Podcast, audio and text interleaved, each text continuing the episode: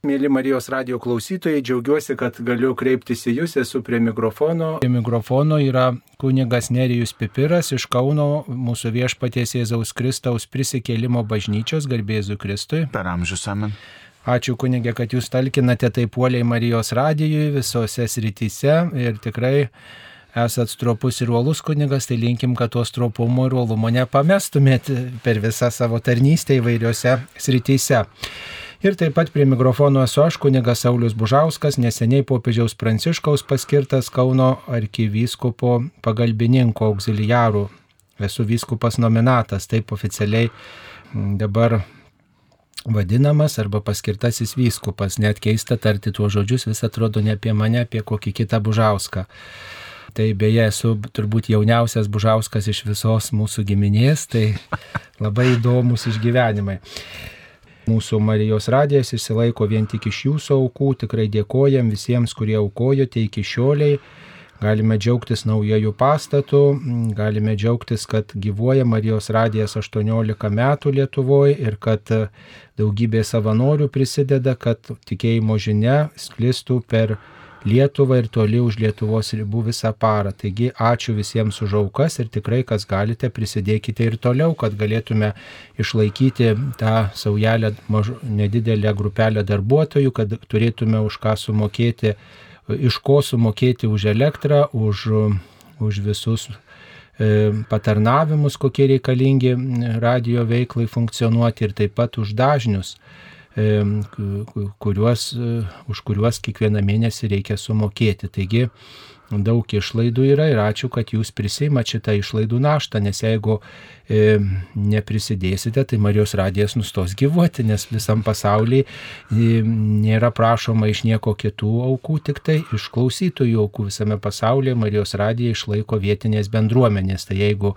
šio radijo reikia, žmonės prisideda ir ačiū jiems už tai, už visus melžiamės, kiekvieną dieną prisimenam gerą darių švenčiausio sakramento adoracijoje aukodama šventasias mišes, tikrai prisimenu gyvus ir mirusius geradarius ir ypač kartą per mėnesį, kai transliuojamos mišios iš mūsų koplyčios, taip su visų nuoširdumu palydžiu malda visus geradarius ir taip pat Šiluvoj kiekvieno mėnesio 13 dieną malda lydime darbuotojus, savanorius, geradarius, visus tuos, kurie įvairiomis intencijomis e, kreipiasi ir prašo mūsų užtarimo. Tai ačiū visiems už šitą projektą ir taip smagu, kad ir aš galėjau prie jo prisidėti ir dar vis prisidedu kažkokiu būdu. Taip, mums paskambino. Paskambino Janina iš Skuodo rajono. Taip, klausome. Katalikui brangia knyga Biblija, šventą įraštą. Iš didžiausios pagarbos jai nežinau kodėl, bet labai turėčiau ją dar ir pašventinti bažnyčioje pas mūsų kleboną. Nežinau, ar man tai dera prašyti, bet surašyti šventi Dievo žodžiai. Labai prašau man patarti. Dėkui už atsakymą. Ačiū. Iš tikrųjų galima pašventinti ir maldinėlius, ir, ir, ir Biblijas, ir maldų knygutes, e, tačiau e, nereikia, nereikia manyti, kad vat, pašventinta knyga E, Biblija turėtų būti neskaitoma knyga, turėtų būti vien tik tai lentynoje ir panašiai. Tai e, aš manau, kad e, taip yra svarbu galbūt pašventinti, bet taip pat svarbu ir skaityti, kad ta Biblija būtų dažnai atsiverčiama kiekvieną dieną, kad, kad iš tikrųjų Biblija pasitarnautų pirmiausia maldai. Tai, tai raginčiau E, iš tikrųjų kreiptis pas savo kleboną ir paprašyti, kad, kad, e, e, kad, kad šitą knygą palaimintų ir kartu ryštis melstis kartu su, su, su šia knyga.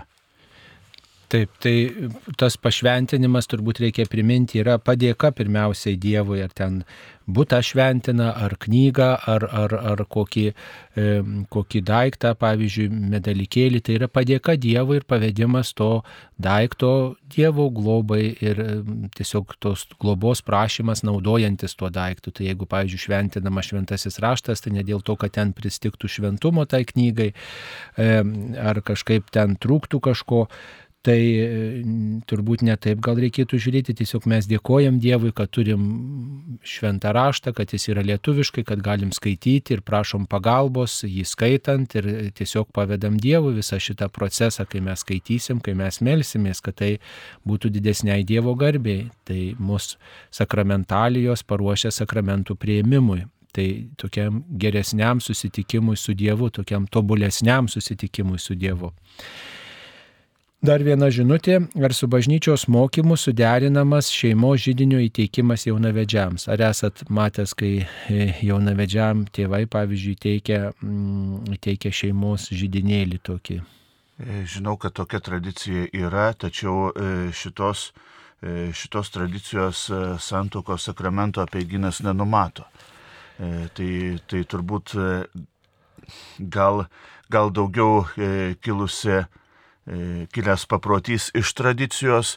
E, nežinau, kaip reikėtų, reikėtų atsakyti. Man atrodo, kad, kad tai yra netgi tam tikra prasme e, pagoniškas, pagoniškas paprotys perduoti ugnį, kad ta ugnis būtų kurstoma ir, ir galbūt net ir kai kurios tenai pagonių tradicijos deivės, deivių užduotis būdavo kurstyti šitą ugnį. Tai kaip minėjau, santokos sakramento apeiginė tai nėra numatyta. E, jeigu e, ir nebus įteikiama e, įteikta ugnis, tai santoka tikrai nebijokit jūsų vaikų, giminaičių, anūkų ir, ir galbūt kaimynų tikrai, tikrai galios. Kita vertus, mes per kiekvienas, kiekvienas Velykas ir nebūtinai per Velykas, bet ir per Krikšto sakramento šventimą mes gauname prisikėlusi Kristų kaip, e, kaip ugnį sunaikinančią mūsų, mūsų nuodėmės nuo, e, nuo Velykinės žvakės uždegama kry, naujai pakrikštytų žmonių krikšto žvakė, kad, kad Kristus sunaikintų nuodėmės tamsybės. Taigi iš tikrųjų tam tikrą prasme mes Kristų kaip ugnį sunaikinantį nuodėmės tamsybės jau gavome krikšto sakramento metu. Tai tiesiog primena Kristų mūsų tikėjimo šviesą, toks, tok, tokia švie, žvakė uždegta. Tai va taip turbūt reikėtų žiūrėti ir, žinot, tėvai turbūt va, tų ir kitų gal visokių papročių yra prisigaudę iš įvairių tradicijų. Tai, e, na, tiesiog taip reikėtų nemagiškai kažkaip ten žiūrėti, bet tiesiog kaip ženklą, kaip tokia gražia tradicija, kad ta meilės, bendrystės šviesa neužgestų tiesiog toj, toj šeimoje ir, ir tiesiog toks linkėjimas, toks, toks troškimas, toks prašymas yra, kad vieni, vienas kitam padėtų šeimos meilės, bendrystės, ištikimybės ugnį kurstyti. Tai tiesiog tas linkėjimas taip iliustruojamas, tai čia nieko tokio, kas prieštarautų bažnyčios mokymui. Tik tai, žinot, būna kartais, pavyzdžiui, ten, sakykime, užgesta žvakutė ir ten nukrenta kažkas, oi tai čia nesiseks. Tai nereikėtų taip į tokius prietarus ir magiją kreipti dėmesio, tiesiog va, na, linkėti ir melstis už tą šeimą krikščioniškai ir, ir tikrai ruoštis tai santokos šventėjai ir iš pažinties prieinant ir tėvams, ir, ir tiesiog ir, ir patiems, aišku, jau sužadėtiniams, kas be ko, bet ir kitiems tiesiog malda, ypatingai malda lydėti tą šeimą, tą jų apsisprendimą vienas kitam dovanoti gyvenimą. Ir sakyčiau, kad reikėtų įteikti pirmiausia ne ugnį, bet pirmiausia, pirmiausia Kristų apšviečiantys, sunaikinantys visas tamsybės, taigi tegul ta, e, tas, tas žvakutės uždegimas, ugnies įteikimas būna kaip krikšto, e, krikšto prisiminimas. Taip mums paskambino. Stasi iš Kauno. Taip. Stasi iš Kauno. Aš dar noriu paklausti, man mirė sunus. Ir jo liko, aš dabar nežinau, kur jo dėti krikšto drabužėlius, kalėdaitis paliktas. Ir ar tiesa, kad nelei, negalima liesti mirusiojo daiktų vieną ar tris mėnesius ar kiek. Pirmiausia, tai kur dėti krikšto drabužėlius ir kalėdaitį, kurie jos nesunaudojas. Liesti tai čia jau, žinot, prietaras, jeigu jau jūs taip sakote, tai tikrai prietaras, liesti čia jau nesivadovaukit tokia, tokia logika ir, ir na, kur dėti, tai galima saugoti kaip prisiminimą. Žinot, yra, pavyzdžiui, aš pažįstu tokių giminių, kur karta iš kartos eina krikšto rūbas. Yra simbolinis rūbas, jau toks pageltęs, sudulėjęs, bet sako, čia mūsų seneliai, proseneliai, netgi kai kur žinau, buvo, sako, su tuo rūbu nešami krikštyti, tai tiesiog kaip šeimos relikvija yra priminimas, kad mes kartai iš kartos perdodam tą tikėjimą. Nebijokim tų relikvijų, tokių šeimos relikvijų. Viena vertus mes norim tų ženklų visokiausių ir tų ženklų grėbėmės, kita vertus mes labai norim visko atsikratyti, ypač va tokių mums nemadingų, neįdomių, bet tai yra, tai yra labai brangus dalykas krikšto ženklas, nes tai yra pagrindas, mūsų krikščioniško gyvenimo pagrindas. Ir tas krikšto rūbas, tai pavyzdžiui, gal yra anūkai, gal yra anūkų vaikai ten ar panašiai ir, ir tiesiog turėti tą rūbą, užrašyti, kieno čia tas rūbas yra, kokiom aplinkybėm tiesiog ir, ir, ir, ir, ir apie tai pasakot, kad galima naudoti tą, tą rūbą ir kitiems ir, ir kad mūsų tokia yra e, tradicija perduoti tikėjimą kartai iš kartos ir tuos ženklus, kurie, kurie e, tą tikėjimą lydi. Tai nereikia bijoti, kad to žmogaus gal gyvenimas ten ar nesusiklosti, ar kažkokia nelaimė atsitiko. Dievas yra aukščiau visų šitų nesusipratimų, visų kreivų linijų ir, ir mums yra e, turbūt daug brangesnis dalykas, šviesiausi e, aspektai iš mūsų artimųjų gyvenimų, kuriuos mes paveldime, norime paveldėti arba kuriuos norim puoselėti, tas gražiausias savybės, kokias turėjo mūsų artimieji. Ir nereikia bijoti ten prietarais neapsikrauti, bet tiesiog kaip žinia perduoti tuos ženklus, kaip tikėjimo žinia. E, va, sakyčiau, saugokit, ypač jūsų sūnaus, tai yra priminimas apie jūsų sūnų, tai, yra, tai jums sūnus brangus yra ir vat, jūs rūpinotės jo krikštu ir, ir jį palydėjote į gyvenimą, aš tai, aš tai tikrai saugočiau. Aišku, užrašykit ir viską, paskui jau matysit, kad jau čia gyvenimas gal sudyla ir visa kita nėra kam perima, nėra kas, kaip sakant, čia e, tuo pasirūpina, tai visada galima, reiškia, sudeginti tą, bet aš tai tikrai nedeginčiau tokių relikvijų. Kalėdaitis, tai žinot, jeigu nesuvalgytas per kalėdas, kai kas valgo per naujus metus, per tris karalius tą kalėdaitį likusi nuo kučių, galima suvalgyti, jeigu neįmanoma jo suvalgyti, tai reikėtų vandenį ištirpinti ir palaistyti gėlės, palaistyti krumelius, kad neišmestume iš šiukšlių dėžę. Ką daryti, kad jaunoji karta nenori eiti gavėnio iš pažinties, sako, tik nuodėmingi eina. Kaip juos paskatinti? Iš tikrųjų, tai yra e, labai platus klausimas ir šiandieną mes turbūt susidurėm su, e, su tokia situacija, kada iš vis e, yra ištrinta nuodėmė savoka. Jeigu tu esi silpnas, tu reiškia esi ne, ne, ne visavertis ir, ir žmogui pripažinti pripažinti savo ribotumą, savo silpnumą yra be galo sudėtinga, o e, šitoj, šitoj vietoj tas savo E, ribotumo pripažinimas tai ir yra e, jau slengstis į išpažinti, išpažintis be, e, be nuodėmių, be, be, kaip minėjau, savo ribotumo ir silpnumo pripažinimo ir be, be atsiverimo Dievo, Dievo pagalbai ir gailestingumui, tai yra tik tai pokalbis. Tai vat, e, viena, viena iš priežasčių sakytų, sakyčiau taip, kad ir jaunoji karta, ir galbūt e, nebūtinai jaunoji karta, bet dabar populiarioji karta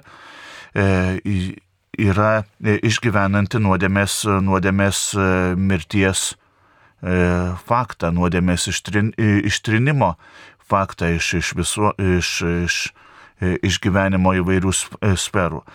E, kita vertus, kaip reikėtų, reikėtų paskatinti, tai aš manau, kad paskatinimas geriausias yra pavyzdžių kai žmogus mato savo artimuosius, kad, kad jie praktikuoja sakramentus, kad jie eina iš pažinties, kad jie, jie eina komunijos, tikrai vienu ar kitu, kitu momentu tas atsivertimas įvyks ir, ir, ir žmogus, žmogus ir nueis nuėjus iš pažinties. Taip, kartais reikia laukti to atsivertimo ilgus metus ar net dešimtmečius, tai turėkit kantrybės ir tiesiog prievartą labai neverskit, priminkit, kad visi esam trapus, kad neaišku, kaip čia tas pasaulis rėdės, kad visada reikia apgalvoti ir pasidalinkit mintim, kaip žmogus jaučiasi po išpažinties, kad palengvėja, kad tiesiog pagalvokit, koks čia nuodėm klausys yra tėviškas ir, ir tikrai pas kurį jums galbūt buvo gera prieiti iš pažinties, kad Tiesiog galbūt nereikia apie klausyklą iš pradžių kalbėti žmogui, kuris daug metų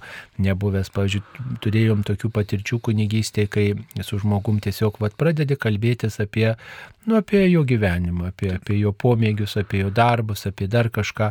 Nu ir va tada kažkaip va tai pamažu pereinam prie va tos E, vertybių srities, prie darybių, prie nuodėmių, va, nu ir kas va širdis legia, žmogus va, nu, kažkaip pamažu pasisako, gal kažkokį klausimą paklausiu. Ir tada taip žmogus pamažu va taip prieina prie tos išpažinties ir mato, kad tai visai nebaisu, sėdint ant suoliuko, sėdint ant kėdės kažkur bažnyčioje ar, ar, ar, ar, ar laukia.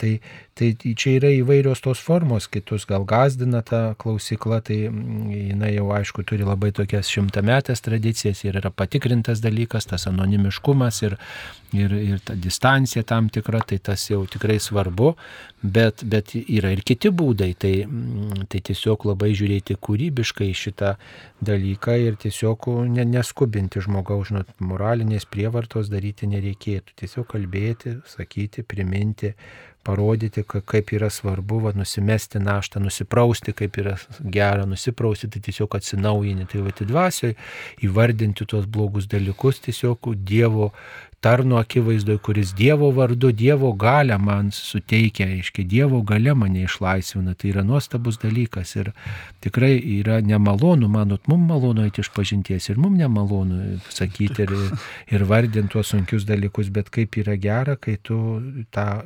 išsilaisvini iš to, tiesa tave išlaisvina. Dar truputėlį pridėčiau, nereikėtų iš pažinties suvesti tik tai į gavėnios laiką. Ir tikrai noriu padrasinti, kad iš pažinties mes, e, mes eitumėm tada, kada, e, kada sąžinėje vien, e, jaučiame vien tik tai tamsią spalvą, kad viešpats, viešpats gydytų sąžinė žaizdas ir tikrai iš pažinties galima ateiti ir dažniau negu kad tik tai gavėnioj. Taip, dabar dar žiūrim, kokios žinutės atsiustos.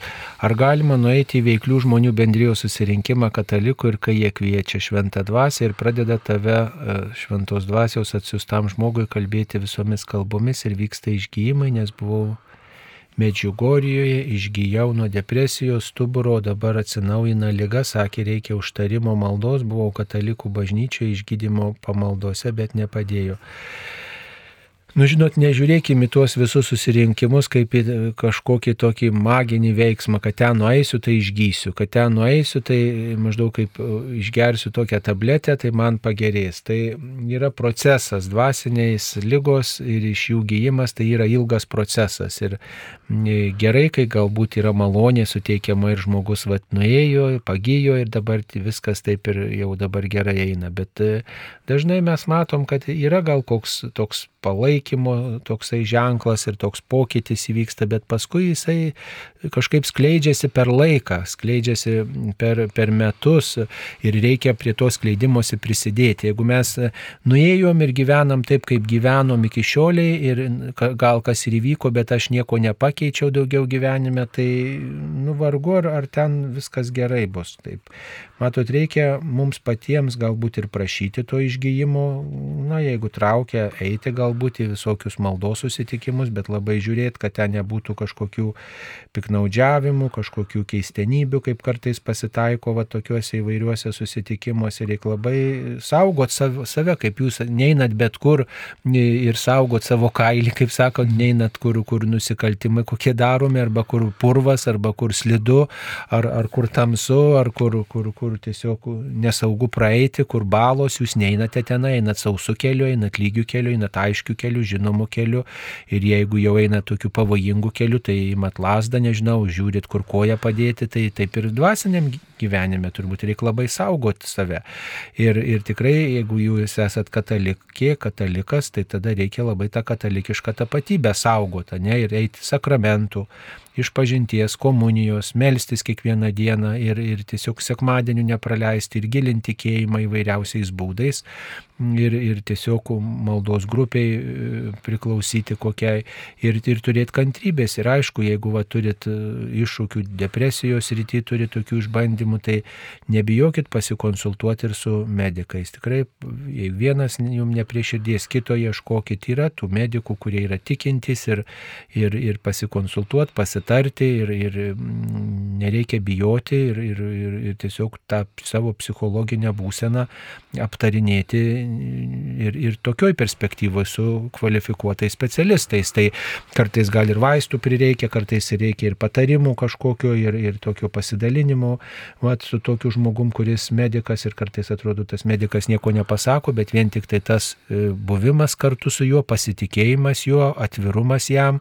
išklausimas, va, tas jo palaikymas, e, nu, va, duoda mūsų psichologijai tokį palaikantį tokį aspektą, duoda tokį palaikymą, pagalbą. Žinau, kad tikrai aš kažkam galiu papasakoti savo psichologinę būseną ir, ir nuo to šiek tiek palengvėja, žinot, žmonėms. Tai, Tai sakyčiau, reikia kompleksiškai čia mm, keliauti įvairiais, įvairiais būdais, nes Dievas duoda ne tik tai stebuklus iš dangaus, tai, bet jis ir per žmonės veikia, ir per tuos pačius gydytojus, ir per tas pačias bendruomenės, tik reikia labai saugot, kad mes nepakliūtume į kažkokius šarlatanus. Aišku, veiklių žmonių bendryje yra tokia ne tik tai katalikus vienyje, truputį ir kitokių, ir, ir, ir kitų krikščionių burelius sutraukianti bendruomenė. Tai tą reikia turėti galvoj, kad ji nepakeičia mūsų katalikiškos tapatybės. Galim nueiti, pasiklausyti liūdėjimų, pabūti, bet žinokit, kad jūs esat pakrikštytas žmogus, jūs esat e, sakramentinį kelią pasirinkę žmogus ir tai negali pakeisti nei ten dvasios kvietimas kažkoks, nei ten kažkoks krikštas ar ten dar kažkas, jeigu tai būtų daroma ar ką, tai žinokit, kad jūs turit visą tą pagalbą iš katalikų bažnyčios, bet vad kartais mums gerai yra ir kitų krikščionių išgirsti liūdėjimų, pasiklausyti ir kartu su jais pasimelsti. Tai va, taip. Aš galbūt dar, dar pridėčiau, e, mes kartais e, klaidingai įsivaizduojame tą užtariamąją maldą, užtarimo maldą. Atrodo, kad ten, kur dedamos rankos, e, ten, kur kur žmonės, žmonės griūva iš maldos, maldos galios, tai yra užtarimo malda ir taip toliau. Visgi užtarti mes galim vienas kitą ir paprasčiausiai kalbant tėvę mūsų arba, arba sveika Marija ir tai, e, tai priklauso nuo mūsų, mūsų intencijos, nuo mūsų troškimo, juk jūs, e, jūs rašėt, kad e, geriau pasijutot, kai buvot medžiugoriai, kai buvot prie švenčiausiosios mergelės Marijos kojų, tai tiesiog ją ir atsiduokit, kad, kad jį užtartų, kad jį, kad jį globotų, kad E, jį vestų, yra galingiausia užtarėja. O gal galima būtų atlikti išpažinti raštu išsiuntus nuodėmklausių ir gauti išrišimą, tikrai būtų daugiau atgailaujančių. E, iš tikrųjų nuodėmę susirašyti, kad mes, e, mes nepamirštumėm ant, ant lapuko, aišku, nei, nei į telefoną, nei dar kažkur galima, bet tas, tas lapukas turėtų būti po to sunaikinamas, kad, kad iš tikrųjų būtų išlaikytas tas E, na, Konfidencialumas. Konfidencialumas. Paslau, ir tiesiog į kitų rankas nepakliūtų tai. Bet e, jeigu turit galvoj, kad e, laišką nusiųsti arba paro, pa, atiduoti kunigui, parodyti, kad nereiktų sakyti, tai tikrai, na, čia yra tik tai galbūt tais atvejais, kai pavyzdžiui, žmogus yra nekalbantis. Yra buvę tokių atvejų, kad žmogus, vat, nu, negali pasakyti, jisai parašo ant lapelio ir jis tiesiog va parodo, ne, kad, vat, nes kitaip mums sunku susikalbėti būtų, bet jis negali bendrauti. Tai taip, kaip mums įprasta nes aš nemoku tos gerai tos kalbos, e, va, e, e, neprigirdinčiųjų, tai, tai tada užrašė, pažymėjo ir tada va, aš kažką pažymėjau ten jam ir tada mes va, pasimeldžiau už jį, va, tokiu būdu susikalbėjom ir tas sakramentas įvyko, bet mes susitikom, susitikom veidas į veidą, susitikom, buvom viena šalia kito, nebuvo ten pašto, nebuvo ten e, kažkokio tarpininko ar, ar ten kažkur nepaliko to laiško, bet susitikom, jis va, tas žmogus parodė, kad jis negali kalbėti ir jis tiesiog parodė valapelį ir tiesiog aš pa, irgi kažką bandžiau pasakyti, kažką pažymėjau ir, ir tokiu būdu tas santykis, kontaktas įvyko, nes išpažintis yra santykis, yra susitikimas, susitikimas. Kristus susitiko, su, susitikdamas darė tuos ženklus, išgydymo, išlaisvinimo ženklus ir čia tas susitikimo aspektas yra be galo svarbus, be galo svarbus ir, ir per nuotolį tas yra, nu, žinot, tokie vat dalykai yra, nu, bažnyčios praktikoje tikrai nepriimtini. Nors, pavyzdžiui, yra tekę girdėti, kad, sakykime, jeigu gerai dabar atsimenu, buvo toks atvejis su kunigu Stasiu Įla, kad jisai buvo koncentracijos stovyklo ir buvo ten sutarta žodžiu, kad jis, nu, vat, pasimels ir tą išrišimo maldą pasimels už, už kokį kitą žmogų, bet jie negalėjo gyvai susitikti, bet jie kažkaip žvilgsnių viens kitą, ten ar laiškais, ar kaip davė žinia, kad vat, aš einu ten ir mačiau, ar mirti jau ten jau buvo pasmerktas žmogus, ar ką, tai kunigas, vat, žodžiu, jį pažvelgė ir vat, tiesiog mintyse tikriausiai sukalbėjo tą maldą, nes kitaip neįmanoma buvo. Bet tai čia yra jau tokios kritinės situacijos, bet įpa, įprastų laikų tai tikrai neįsisukinėkim ir ateikim, susitikim su kunigu, ypatingai, kad dabar galim pasirinkti tuos nuodėmklausius, kurio žodis širdį paliečia, kuris atrodo primtinesnis ir žmonės kartais nuvažiuoja dešimtis kilometrų ar net šimtus, kad atliktų išpažinti. Ir, ir tikrai, nu, tame yra prasmė tam susitikime. Susitikime, kai aš pasakau, įvardinu, nuolankumą tam tikrą išgyvenu ir, ir išgirstu tos atleidimo žodžius, o, o ne laišką gaunu. Tai tikrai naudokime šitą galimybę, kol dar turim kunigų, kol galim atlikti išpažinti, kol tie kunigai lengvai pasiekiami, tai tikrai branginkim šitą sakramentą. Aš dar galbūt norėčiau pridėti, kad išpažinties sakramente be nesvarbiausias dalykas po nuodėmių yra, yra gailestis, o kaip mes E, laiškė išreikšim tą gailestį ir kaip pat e, buvo minėtas tas pavyzdys, e, žmogus galbūt jie susitiko per nuotolį, bet, bet ar išveido, ar, ar kaip nors parodė tą gailestį. Taigi visgi tas, tas susitikimas, kad ir koks jis bebūtų, yra reikalingas iš pažinties metu. Taip, mums paskambino. Jonas iš druskininkų.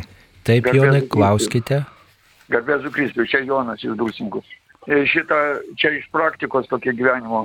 E, pažįstamas e, gerai vienas zakristijonas, reiškia, jau iš, išėjo po to zakristijonas, kitas kunigas buvo jau. Ir po to depresija pasibuvo. Nu, bažnyčia biškai primažino jau lankymą, aš vis raginau, kad dažniau bažnyčia neitų, bet jisai daugiau pasitikėjo daktarais ėjo nuo depresijos vis pas daktarus tabletėm, po to jam ten irgi e, labai ten tiesiog e, tą nervus matyti, ten paveikė tos tabletės ar kas. Ir šitą žmogus pasikorė. Suprantat, kaip yra. Tai aš noriu pasakyti tam, kad e, pagrindė, kaip vienas man kunigas pasakė, tu kalbėk ne prieš bažnyčią, o už bažnyčią.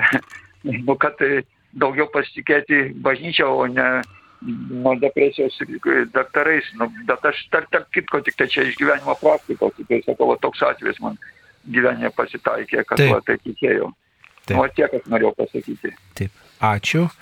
Nu, e, Dievu labiausiai reikia pasitikėti, turbūt Dievu už vis labiau, bet e, bažnyčia tai yra Dievo palikta bendruomenė, lankyti ir priimti joje švenčiamus sakramentus ir pasitarti su medikais, matot, nu, žinot, nu, visokių variantų yra ir labai sunku duoti tokį receptą, žinot, per radiją visiems vienodą. Čia kiekvienas atvejis yra skirtingas ir aišku labai apmaudu, kai kai, kai žmogus tikrai vat, išgyveno tokį, tokią neviltį, nusiminimą ir, ir, ir tos skaudžias depresijos pasiekmes ir, ir baigė gyvenimą savižudybę, tai tikrai labai, tai nėra išeitis. Ir tikrai jeigu pažįsta tokių žmonių, kurie vat, turi tą išbandymą, nustebėkit tuos žmonės ir visada nu, duokit viltį jiem, kad tikrai pagalba įmanoma, kad, kad yra visada išeitis, jei ne dabar, tai truputėlį palaukus, jei ne per langą, tai per duris, jei ne per duris, tai per kokį plyšį galima surasti, kaip, kaip pasielgti ir, ir ta visada žmogus, kai ištveria tą kančią, kai, kai atsiriamia į kitus žmonės, jis visada tampa stipresnis ir tai jį užgrūdina, tai duoda tam tikrą tokią patirtį ir, ir atjautą ir, ir tikrai žinom iš medikų įvairiausių specialistų, kad tų sergančių depresija daugėja ir tikriausiai vis aštriau šitą problemą mes turėsim svarstyti. Tai svarbus mūsų palaikymas. Dažnai depresija yra vienišumo lyga, nevilties lyga, tamsos tokia lyga. Kurie žmogų vargina, tai turbūt labai svarbu šalia tokio žmogaus nebijoti būti, nebijoti mm, klausytis gal jo ir nusiskundimų, ir, tokį šviesų žvilgsnį visada parodyti, palaikyti ir, ir įvardinti, kad aš suprantu, ką tu išgyveni ir, ir tikrai suprantu ir aš esu šalia tavęs. Parodyti tokį, kad aš kažkaip stengsiuosi tau padėti, kad tu nesi vienas. Tai ta žmogui yra didi paguoda, palaikymas ir, ir, ir visokius variantus varstykit, nesumenkinkit niekuomet jo problemos, e, ką jis išgyvena. Maždaug, ką tu čia dėl to pergyveni. Nu, žmogui taip atrodo, žmogus tokioje situacijoje, jos skausmos lenksis kitoks negu jūsų. Tai, Tai tiesiog mm, tas palaikymas, buvimas šalia, jokių būdų ne menkinimas, ne kritika, ne, ne, ne kažkoks pajuokimas, mm, bet palaikymas, buvimas šalia tokio žmogaus ir tas parodimas, kad tu man svarbus, aš tave suprantu net jeigu ir nelabai suprantam, bet kad aš jau su tavimi esu, tai reiškia, man tu rūpi, aš tave suprantu. Tai tas, žinokit, ir jūs mokys mm, atjautos, mokys supratimo, nes ne vienas nežinom, į kokią situaciją pakliūsim, kaip sakant. Net jeigu esam sveikiausi ir trykšta džiaugsmas ir viltis, tai nereiškia, kad atsidūrusim kokiuose sąlygose ir neužklups ir tamsa ir neviltis. Tikrai gyvenime tekia matyti ir labai tokių gražių žmonių, didelių žmonių, tokių, kurie atrodė, oho, kokie stiprus, o jie tiesiog, nu, va, nu, tiesiog va, visų silpnumu, visų silpnumu tiesiog virto ir, ir, ir, ir, ir nu, tiesiog išgyveno skausmą didelį. Tai Tai ne, ne, nesišaipykime ir ačiū Dievui, ta stigma jau tų psichologinių lygų ir depresijos lygų jau jinai mažėja visuomenėje, jau daugmaž žmonės supranta, kas tai yra ir, ir to pa, pašaipumo iš tos ryties turbūt jau mažiau, bet svarbu, kad palaikytume vieni kitus. Taip. Mm, gerai, dar žiūrim, kokios žinutės atsiustos. Jeigu žmogus kas antras žodis arba ištisai keikėsi, ar tai apsėdimas ar ne. Tai galbūt daugiau yra įprotis, tai nereikėtų, e, nereikėtų visur matyti vien tik tai, vien tik tai apsėdimus. Tai e, iš tikrųjų tai jau tam tikra įda.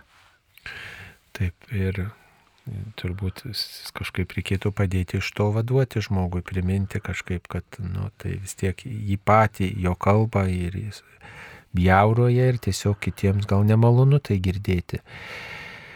E, aišku, keiksmažodis yra visuomet blogio linkėjimas, blogio priminimas, tai žinoma, kad į blogio pusę žmogus krypsta, bet, bet žodžiu, ilgas kelias turbūt iš to įsilaisvinti. Ką reiškia šventųjų apaštalų Petro ir Povilo arkikatedroje Kaune turbūt naudojamas dvigubas kryžius. Tai yra e, iškilmingas kryžius. Tai reiškia, kad e, šitoj, šitoj arkikatedroje yra arkivyskupas, e, šitoj arkikatedroje yra vienybė, e, vienybė su popiežiumi ir tai nėra kažkaip tai e, kažkaip kryžius sudvigubintas arba kryžius kvadratu. Tai yra E, reiškia iškilming, e, iškilmingumą, reiškia tos, e, tos vietos ypatingą, ypatingą sakralumą, ypatingą vienybę su popiežiumi. Nu, tiesiog arkivyskupas naudoja tą dvigubą kryžių ir jisai tos dvi kryžmės, tai reiškia tą Viena kryžmė tai pakojas yra, į kurį nukryžiuoto Kristaus kojos rėmėsi. Jis tiesiog yra prailgintas, padidintas tokiu būdu, kad matom tą kryžmę, o kita kryžmė mums įprasta, ant kurios e, viešpaties rankos e, buvo prikaltos. O popiežius naudoja dar trigubą kryžių, vat, gali naudoti. Vat, tai, tai dar, reiškia, virš nukryžiuotojo Kristaus buvo lentelė, ant kurios parašyta Jėzus Kristus E, žydų karalius. Jėzus Nazarėtis žydų karalius. Tai, tai, va, tai tos tie trys e, va, ženklai yra išdidinti ir taip atrodo, kad gali būti viengubas kryžius, dvigubas arba trigubas kryžius. Taip, dar žiūrim, kokios žinutės atsiustos, ar nenusidedame degindami bažnyčiose parafininės nuodingas žvakes. E, nu, geras tikrųjų, klausimas. Keista keista galbūt nuomonė, iš tikrųjų man kažkaip tai prisimena, kad prieš kokią 20 metų mes, mes net, net negalvojom, kad e, parafininės žvakės yra, yra kažkokios tai jos, jos nuodingos ir geriau jas pakeisti iš vis, iš vis sintetinėmis žvakėmis arba e, deginamais alėjukais. Tai e, iš, tik, iš tiesų nėra, nėra jokia nuodėme ir žvakė kaip visuomet e, simbolizuoja Kristų mūsų šviesą. Aišku, e, idealiausia galbūt tai būtų, e, būtų kad tai būtų vaškinė žvakė, bet, bet ne visada yra galimybių gauti gaut vaškinių žvakių ir svarbu, kad žvakė simbolizuotų, kaip minėjau, patį Kristų. Taip, aišku, kad degandamas parafinas išskleidžia kažkokias medžiagas. Na, tai žinoma, tai viskas kenkia ir, ir mūsų vaikščiojimas kenkia, kai einam per, per miestą, kenkia ir per pievą eini kenkia, nes vabaliuką užmini. Mm, tai jeigu e, tinkamai deginama, jeigu tinkamai tos atlikos paskui panaudojamos, perdaroma kažkas iš jų, taigi galima surinkti ir girdėjau, kad bažnyčiose renkami tie likučiai ir siunčiama į, į, į, tuo, į, tuo, į tas vietas, kuriuose gaminamos žvakės ir Ukraina siunčiama, paskui tie metalo gabalėliai vėl perdodami, perdirbti, tai, tai tada vat, taip sprendžiamas tas klausimas, o kai skiriasi tos medžiagos degdamos, kurios nuodingos veikatui, tai yra tas aspektas, aišku, tai svarstykim, svarstykim visi ir kalbėkimės ir siūlykit, ką kitą galite siūlyti, tai visada įmanoma kažką ieškoti kažkokių išeičių. Kokie yra didžiausi stebuklai, kuriuos padarė Jėzus? Va iš katekizmo čia beveik. Tai yra Euharistija, kadangi jisai, jisai pasilieka su mumis per visas dienas iki pasaulio pabaigos mus maitina, jis pasilieka taip e, kaip duona, kurios, kurios užtenka visiems. Na, o jeigu e, žiūrėti į kitus, kitus stebuklus, tai galima vardinti ir duonos padauginimą, ir, ir aklųjų išgydymą, ir, ir prikelimą iš, iš numirusių, ir E, demonų išvarymą. Demonų išvarymą ir vaikščiojimą ant vandens paviršiaus. Audros sutramdymą. Aišku, stebuklų stebuklas tai yra, kad jis pats prisikėlė iš mirties. Niekas to negali pakartoti per amžių amžius, kad Jėzus prisikėlė iš mirties ir tai yra stebuklų stebuklas, kuris ir šiandien mus, taip sakant, verčia iš klumpių. Mums paskambino. Jonas iš druskininkų dar kartą. Taip, Čia dar kartą Jonas garbės Kristus.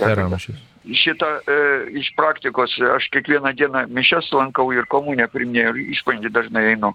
Ir pastebėjau per gyvenimą tokį dalyką, kad e, mišios ryte išklausytos geriau sekasi negu vakare, o jeigu dvies išklausau per tą dieną, tai su komunė primta, e, tai geriau, reiškia, dar diena praeina. O dabar aš patankinau sekmadieniais E, dviejas mišės išklausau, tai man savaitę normaliau praeina.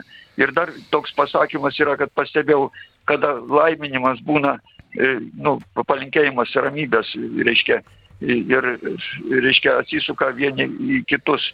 Tai kada dvasingumas geras būna labai, e, mano, tai daugiau žmonių, čiut ne visa bažnyčia būna atsisuka man žmonės ir man palaiminimo, nu, kaip linki.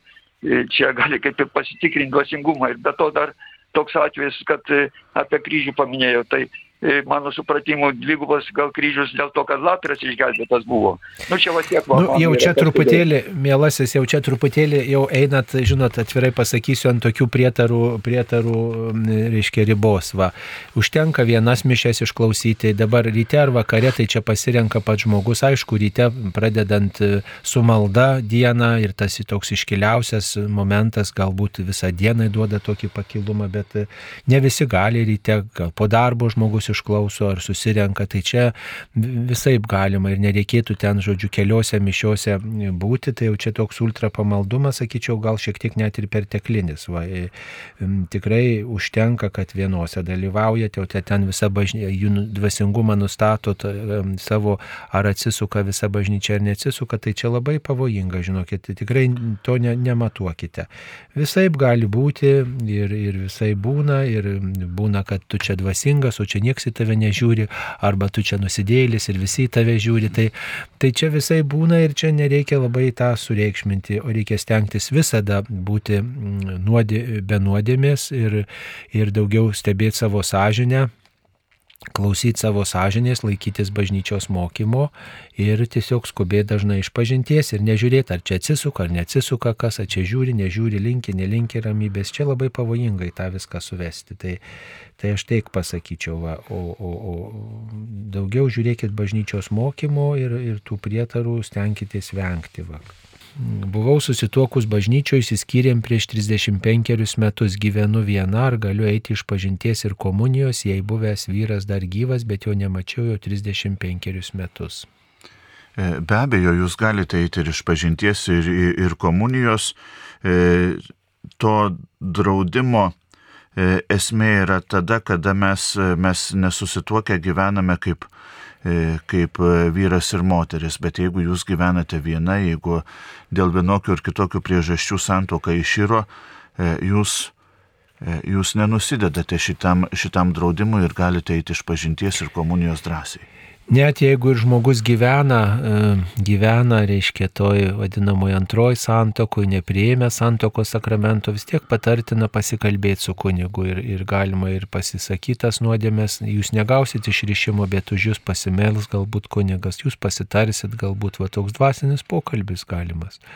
Va, ir tikrai tą reikėtų praktikuoti tiems žmonėms, kurie mm, nori tikėjimo keliu eiti, bet gyvena antroji, trečioji santokoje ir kurių santokos pripažintos bažnytinės ankstesnės galiojančios, tai tikrai susitikit su kunigu, kuris neša Dievo žinę. Kaip koks tas kunigas bebūtų, bet yra proga su Dievo tarnu susitikti, paprašyti jo maldos, paprašyti jo palaiminimo. Tikrai, pavyzdžiui, mano praktikoje yra buvę tokių nuostabių pokalbių su tai žmonėmis ir aš matau, kad jie, e, nu, jie dvasiškai yra labiau pasiruošę tam Dievo artumui, negu kad tie žmonės, kurie kartais visai abejingai ateina komunijos. Tai man visada yra labai brangus tie žmonės, kurie va tokioj būsenoj būdami Nu, jie ieško tikėjimo, jie ieško, kaip būti bažnyčioje, kaip, kaip prie sakramento artėti ir tada supranti, vat, ir popiežiaus tą rūpestį, vat, kuris daugeliu žmonių kelia tokių visokių klausimų, ne, kad popiežius vat, maždaug čia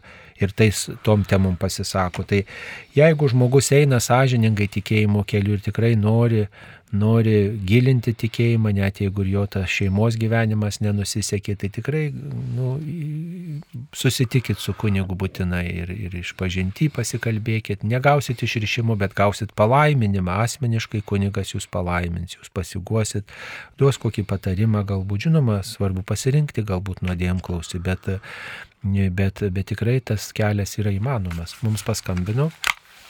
Iš Molėtų rajono paskambino Jonas. Taip. Labas rytas, garbės rytas. Per amžius. Labas rytas. Aš norėjau tokį užduoti klausimą. Porą klausimų. Vienas klausimas, einu į darbą ar kalbu rožinį, ar tai gerai ar blogai. Labai gerai. O antras klausimas būtų, neseniai apsilankė vilkai namuose, bet nieko nekliūdė. Na tai kas, ką dabar daryti? Jeigu vilkai... Nu, sako, vis tiek Dievas saugo žlobojas tikriausiai. Nu tai ačiū Dievui, ačiū Dievui už jūsų ūkį, ačiū Dievui už jūsų, už jūsų rūpestį ir ačiū Dievui, kad jūs tikintis, nu ir vis tiek išdrįstam dėkoti ir už vilkus, kurie, nu, yra mūsų gamtos dalis.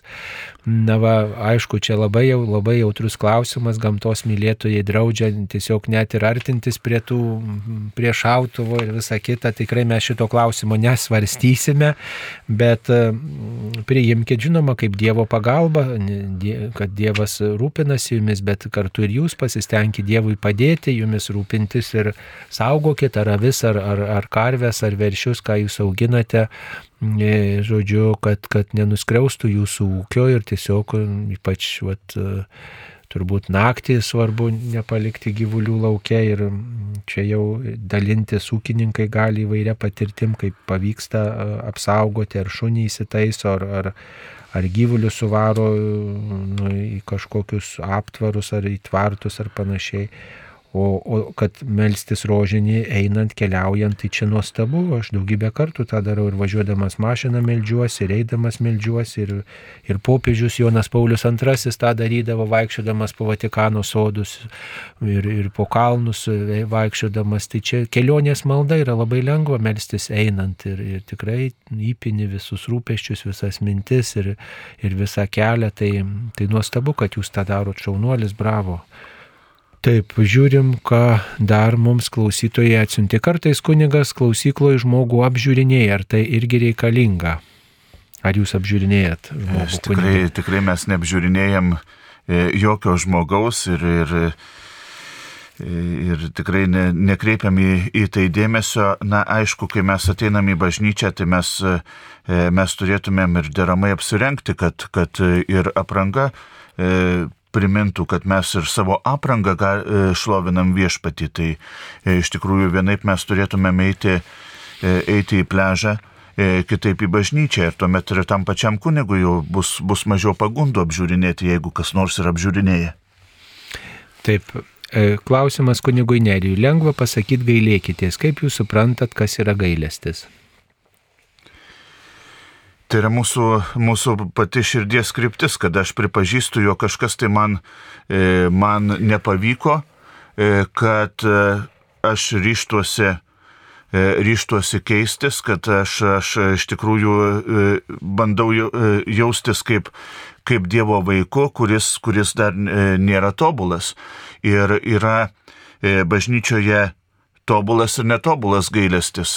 Tobulas gailestis, kada gailiuosi dėl nuodėmių, kurios, e, kurios atsitiko ir, ir pripažįstu, kad tos nuodėmės yra man kliūtis į išganimą. E, netobulas gailestis, kai, kai gailiuosi dėl kokio nors kokio nors galbūt tokių žemiškų veiksmų, žemiškų priežasčių, bet nepakeliu to link išganimo. Tai, tai iš tikrųjų E, kiekviena nuodėmė yra e, tam, tikra, e, tam, tam, tikras, tam tikras akmenėlis išganimo kelyje. Kokios gali būti pasiekmės, jei esu daug kartų kvietus dvasias?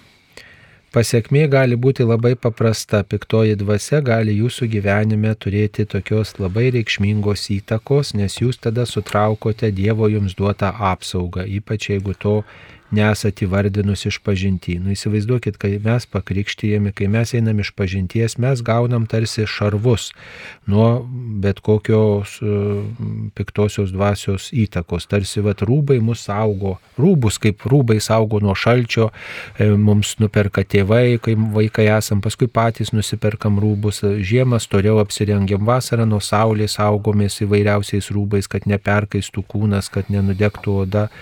Tai panašiai ir dvasinios dalykos, jeigu mes einam sakramento, einam iš pažinties, jeigu mes nesiveliam į nuodėmę, tai tada Dievas mums teikia savo pagalbą.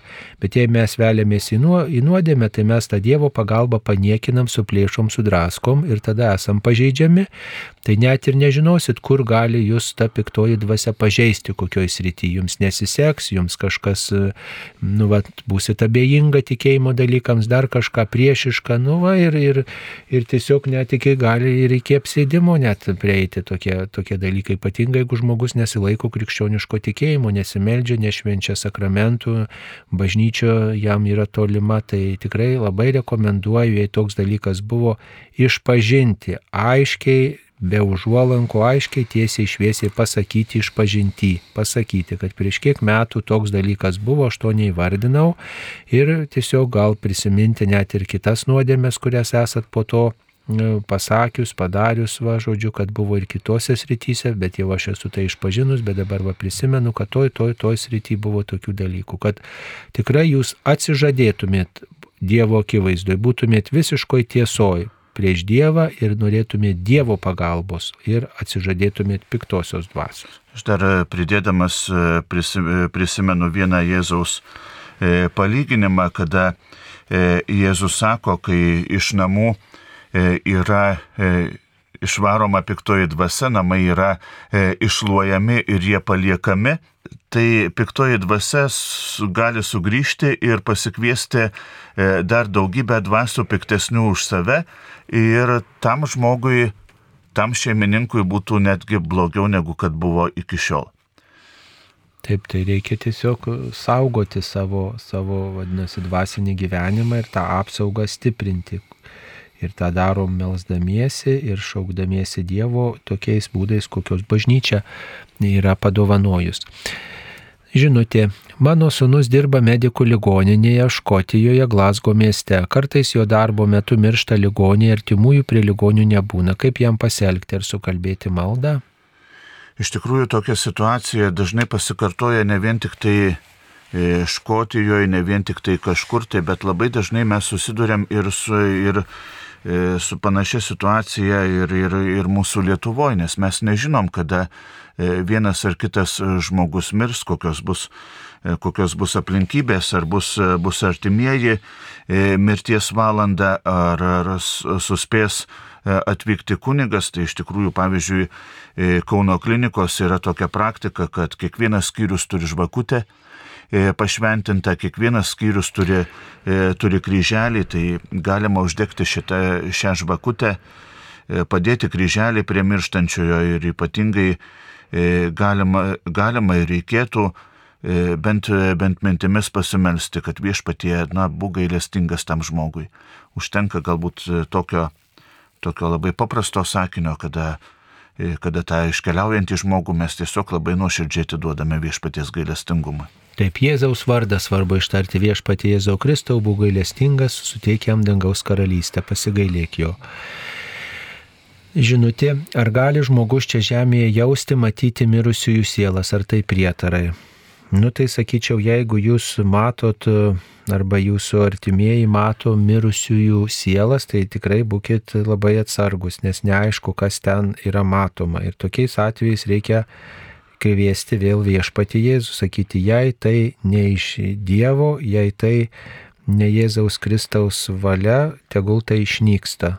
Nes tai gali būti ir piktosios dvasios tam tikri regimi pavydalai. Tikrai apie tai kalbėkite su savo nuodėm klausiu ir būkite labai atsargus tais regėjimais. Na ir manau, kad visada e, geras variantas e, melstis užmirusius, ypatingai e, šventųjų mišių, šventųjų mišių aukoje.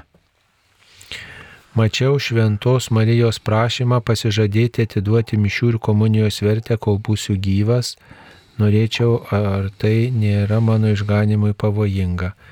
Nu, nelabai suprantu šito klausimo, sakyčiau, uf, mišių vertė ir komunijos vertė e, tikrai, e, kaip sakyti, yra, yra dovana mums ir mes tiesiog priimam tai kaip dovana ir, na, prašom įvairiausių dalykų savo gyviems ar mirusiems, o O ką čia Marija prašo jūsų, tai man sunku kažkaip komentuoti jūsų savo nuodėm klausiu šitai aptarkite, kad tikrai nebūtų kažkokio čia neteisingo interpretavimo, tai pasakyčiau. Bet, e, na, geriems dalykams galime to prašyti, ne kad vat, malda, mišios, ne komunija yra malda.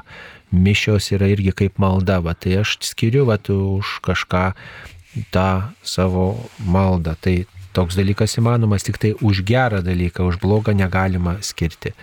Taip, mums paskambino. Petras iš Marijampolės apskrities. Taip, Petrai, klauskite. Gerbėjus Kristui. Per amžius. Ja, labai dėkuoju už, už, už atvirotę. Atsiųsta 2000 metais ir, ir noriu šitą, gal, studiją galima užėti čia visiems Marijos radijų. Taip, žinoma, galima užeiti ir pro šalį eidamas būtinai užeikite. Įėjimas čia yra per kiemelį, tokios gražios durys yra ir ten būdėtojas jūs pasitiks ir jūs, taip sakant, į, į, į palydėsi koplytėlę, pasikalbėsite, papasakos, pagal galimybės net ir aprodys vas, Marijos radio e, studiją. Tikrai galite, galite užeiti ir mes mielai laukiame visų, e, visų mūsų klausytojų. Aišku, jeigu bent jau grupelė kokia norėtų užeiti, tai reikia tada iš anksto pasitarti, yra tokia galimybė ir mišes švesti kartu su jūsų kunigu atvykusiu iš jūsų parapijos arba čia įsijungti, kai mes švenčiam mišes, bet kai grupelė dalyvautų, tai tada reikėtų iš anksto suderinti, nes matot, mūsų yra tas radio ritmas, yra ateina laidų vedėjai, ateina įvairūs pašnekovai, mes planuojame, mes čia ieškom, derinam, tai būnam užimti, tai žinot, ne visada galėsim grupelę priimti, tai reikia sutarti iš anksto. Tai labai malonu, kad jums rūpi Marijos radijas. E, dar viena žinutė, kai melžiuosi Dievo gailestingumo vainikėlį, dėl skaudžios Jėzaus kančios būk gailestingas mums ir visam pasauliu. Visuomet pridedu ir mano šeimai, ir prie bet kokios maldos pridedu ir mano šeimai. Kunigė, tiesiog nežinau, ar tai gerai. Iš tikrųjų, manau, kad mes, mes turėtumėm uh, E, į kiekvieną maldos, e, kiekvieną maldą įterpti ir, ir savo kažkokią intenciją, savo, savo troškimus, savo padėkas, ypatingai savo džiaugsmus ir, e, ir rūpeščius. Manau, kad tikrai galite pridėti ir prie gailestingumo vainikėlio ar prie kitos, kitos maldos tą intenciją už šeimą, tačiau tik tai tuo met, kada kalbate privačiai. Kai kalbate, kalbate kur nors kambaryje, E, kai kalbate e, viena kalbate ar, ar klausote Marijos radijo, mintise galite pridėti. Tačiau kai mes kalbame viešai, e, kur du ar trys susirinkę, tai tada jau reikėtų kalbėti tas maldas, kurios yra patvirtintos viskupų konferencijos liturginės komisijos. Taip, kodėl bažnyčia taip sušvelnino pasninką? Mūsų senoliai pasninkaudavo griežčiau.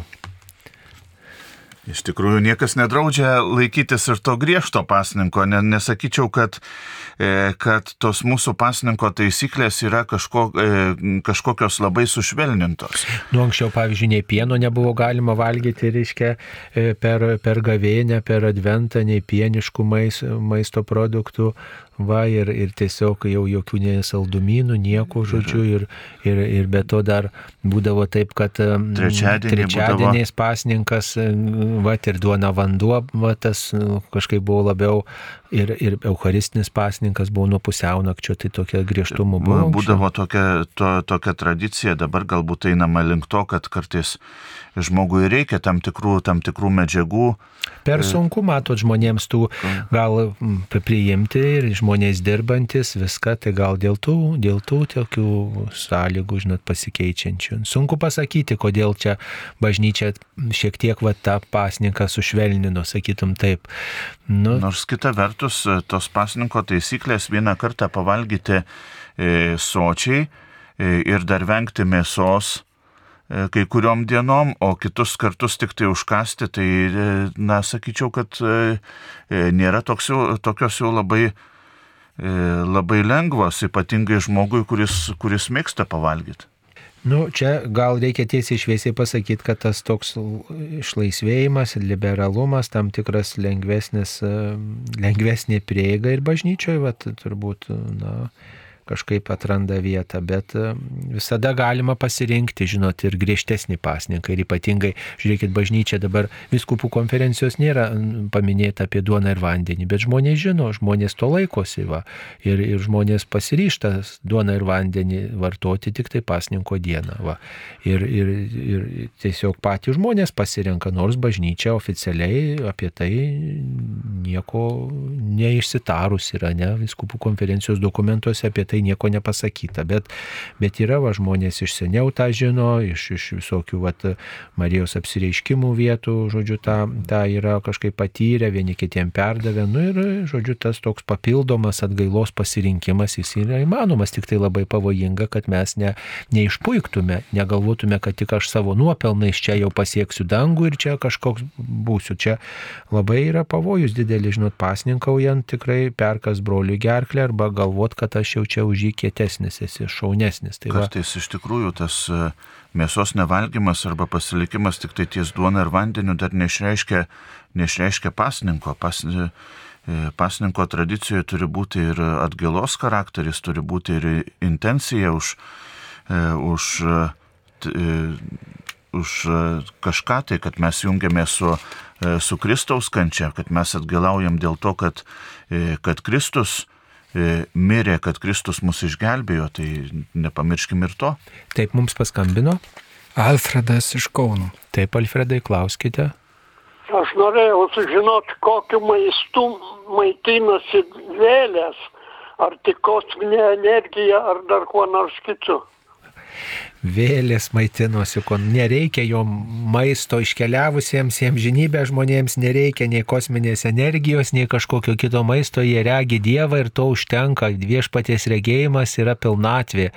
Va, o šitą, o, o matote, ten yra kiti jau dėsniai, čia nereikia mums tiesiog vat, svarstyti maisto klausimo jiems, tiesiog yra viešpaties artuma juos palaiko. Dabar padarysim pertrauką. Brangus Marijos radio klausytojai, dėkojame, kad esate su Marijos radiju, dėkojame, kad galime skelbti gerąją viešpaties naujieną, tą džiugėją žinę visai Lietuvai, o tai negalėtume daryti be jūsų aukų ir maldų. Tad kviečiame artimiausių metų šiuo gavėnios laikotarpiu susitikti su Marijos radijo savanoriais kovo 19 dieną, sekmadienį, Kaišėdurių Kristaus atsimainimo katedroje, kur vyks Šventojo Juozapo atlaidai. Taip pat Plutiškėse Šventojo Juozapo bažnyčioje, kur vyks tituliniai atlaidai Šilavoto Švenčiausiosios Jėzaus širdies bažnyčioje, Vilniaus naujosios Vilnios švenčiausiosios mergelės Marijos taikos karalienės bažnyčioje, Marijampolės Šventojo Vincento Pauliečio bažnyčioje bei Rietavo Šventojo Arkangelo Mykolo bažnyčioje. Padėkime švenčiausiai mergeliai Marijai pagelbėti mums.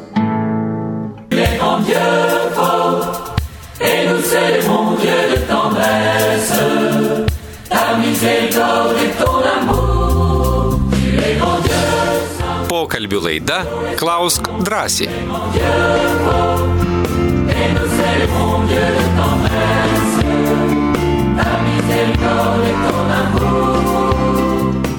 Mėly Marijos radio klausytojai, po pertraukos vėl susitinkame su jumis eteryje, radio eteryje. Džiaugiuosi, kad jūs esate kartu su Marijos radiju. Tikrai brangus esat visi mūsų klausytojai, svarbus ir mūsų šeimos nariai, už jūs melžiamės, jūs prisimenam, kad tikrai būtų įdomu norime stengtis Marijos radio klausytis ir šiandien laidoje prie mikrofono yra kunigas Nerijus Pipiras iš Kristaus prisikėlimų bažnyčios Kaune ir taip pat prie mikrofono esu aš kunigas Saulis Bužauskas, neseniai paskirtas Kauno arkiviskupijos auxiliaru. Tęsėme atsakymus į jūsų atsiųstas žinutės. Štai viena žinutė, kodėl septintos dienos adventistai, remdamiesi Bibliją, nevalgo jokių gyvūnų, nes jiems tai atrodo suprantama, o jei toks keistuolis vegetaras atsiduria tarp katalikų, neretai būna apšaukiamas eretiku. Na tai eretikų gali būti apšauktas bet kuris žmogus, tai čia priklauso nuo to, kas ten šaukia ir dėl ko šaukia. Tai O kodėl to nepriima, kad nevalgo mėsos? Dėl to, kad mm, Jėzus valgė ir apaštalai valgė ir, ir, ir visi valgė paskelbti švarus, tai, tai tiesiog mm, laikomės tos, to seno papročio valgyti su saiku ir, ir tam tikrais laikotarpiais galbūt atsisakyti maisto, sumažinti maisto kiekį, kad stoką išgyventume. Ir tai yra priimtina, visa kita atrodo, na, reikia iš naujo apsvarstyti, ne kodėl kitaip pasirenkama.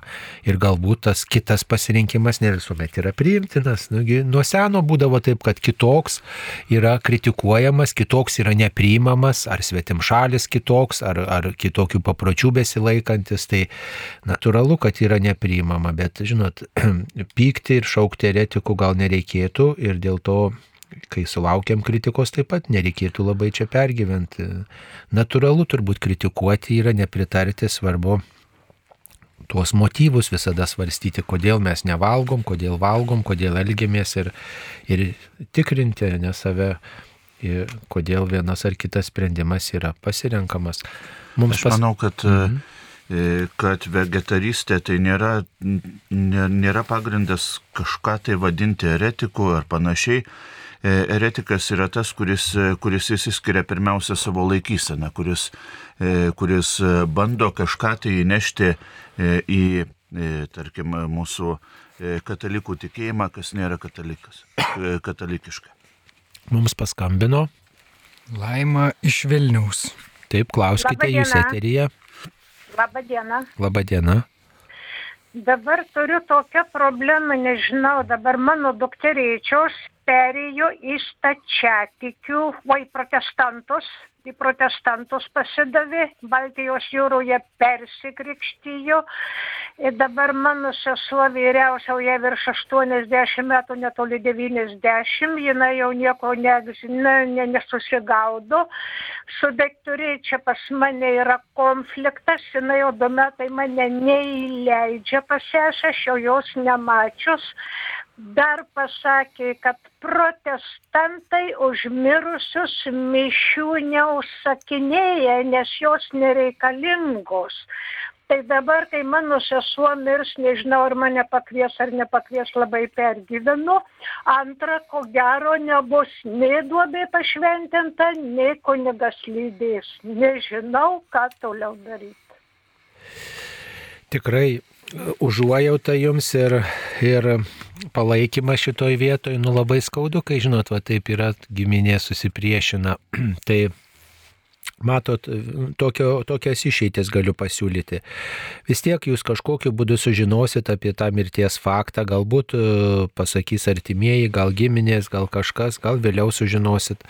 Na tai tokiu atveju užsakykite jūs šventasias mišes, užsakykite už savo seserį mišes ir, ir tiek žinių, va, nes malda užmirusius yra meilės ženklas, yra e, bendrystės ženklas ir, ir pagalba tam iškeliaujančiam, nes Dievui nuolat yra dabar, jam laiko nėra, jam neegzistuoja nei praeitis, nei, nei ateitis, jam yra nuolat dabartis, va, jis yra virš laiko. Tai tikrai malda, jinai reikalinga. Nu, galite ir dabar mišes užprašyti tiesiog už seser šeimą, seseriai prašyti stiprybės, sveikatos ten, žodžiu, to, to, to, tose aplinkybėse ir už giminę tiesiog, kad, žinot, kažkaip tegul ir laikosi, jeigu ten jau tai pasirinko to protestantiško tikėjimo, bet kad ryšius palaikytume, bent tokius simbolinius, diplomatinius, kaip sakant, ryšius kartą metuose ten ar, ar kas keli metai susitikti, tiesiog juk vis tiek reikalinga susitikti, palaikyti vienas kitą tiesiog bent taip simboliškai.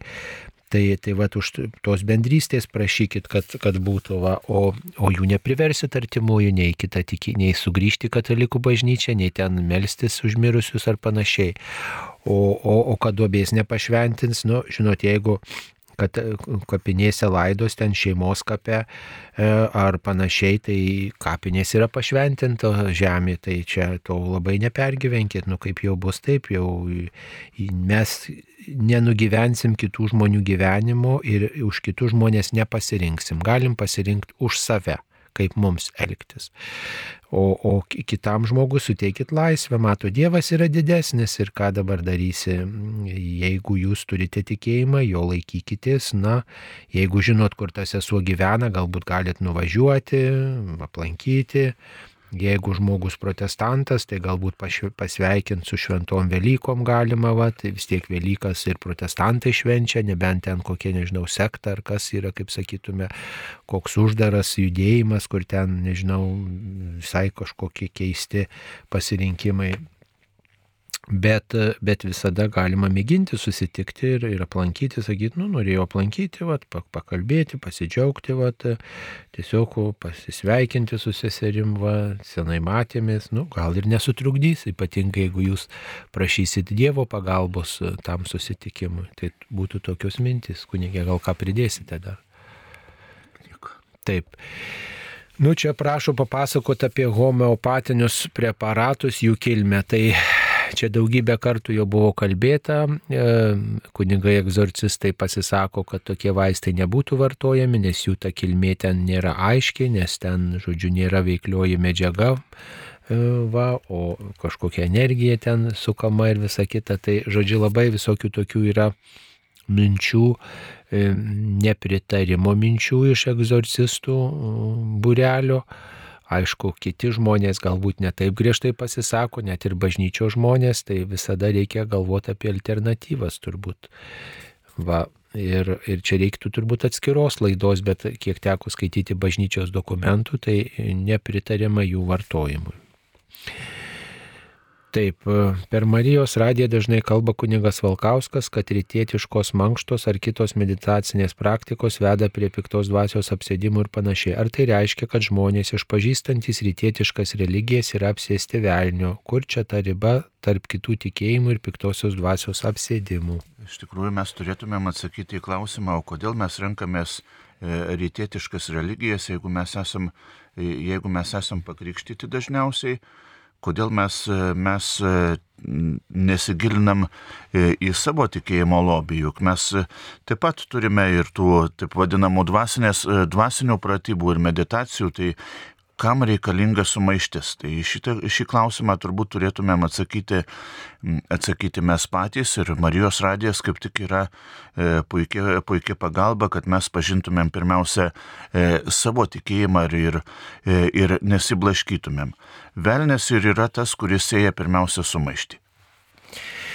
Matot, jūs jeigu kalbate apie apsėdimą, tai jau yra ta tokia e, forma, jau tokia kraštutinė forma, kada jau e, manifestacijos piktojo yra be galo toks priešiškumas tikėjimo ženklams, priešiškumas krikščioniškai minčiai, tai čia jau, jau tokia, na, sakytume, jau tokia galutinė e, piktojo pasireiškimo išraiška, bet yra pavyzdžiui ir varginimas, yra ir abejingumas, yra ir toks kritiškumas perdėtas, yra ir, ir vangumas, yra daugybė dalykų, mm, kurie mm, yra piktojo, gali būti piktojo tokie veikimo keliai va, žmogaus gyvenime. Vat, kai žmogus nesidomi, yra abejingas, jam, jam tai yra tiesiog prie, nu, nepriimtina, tai irgi tam tikrą prasme patinka piktajam. Ir piktasis dėl to džiaugiasi, ne?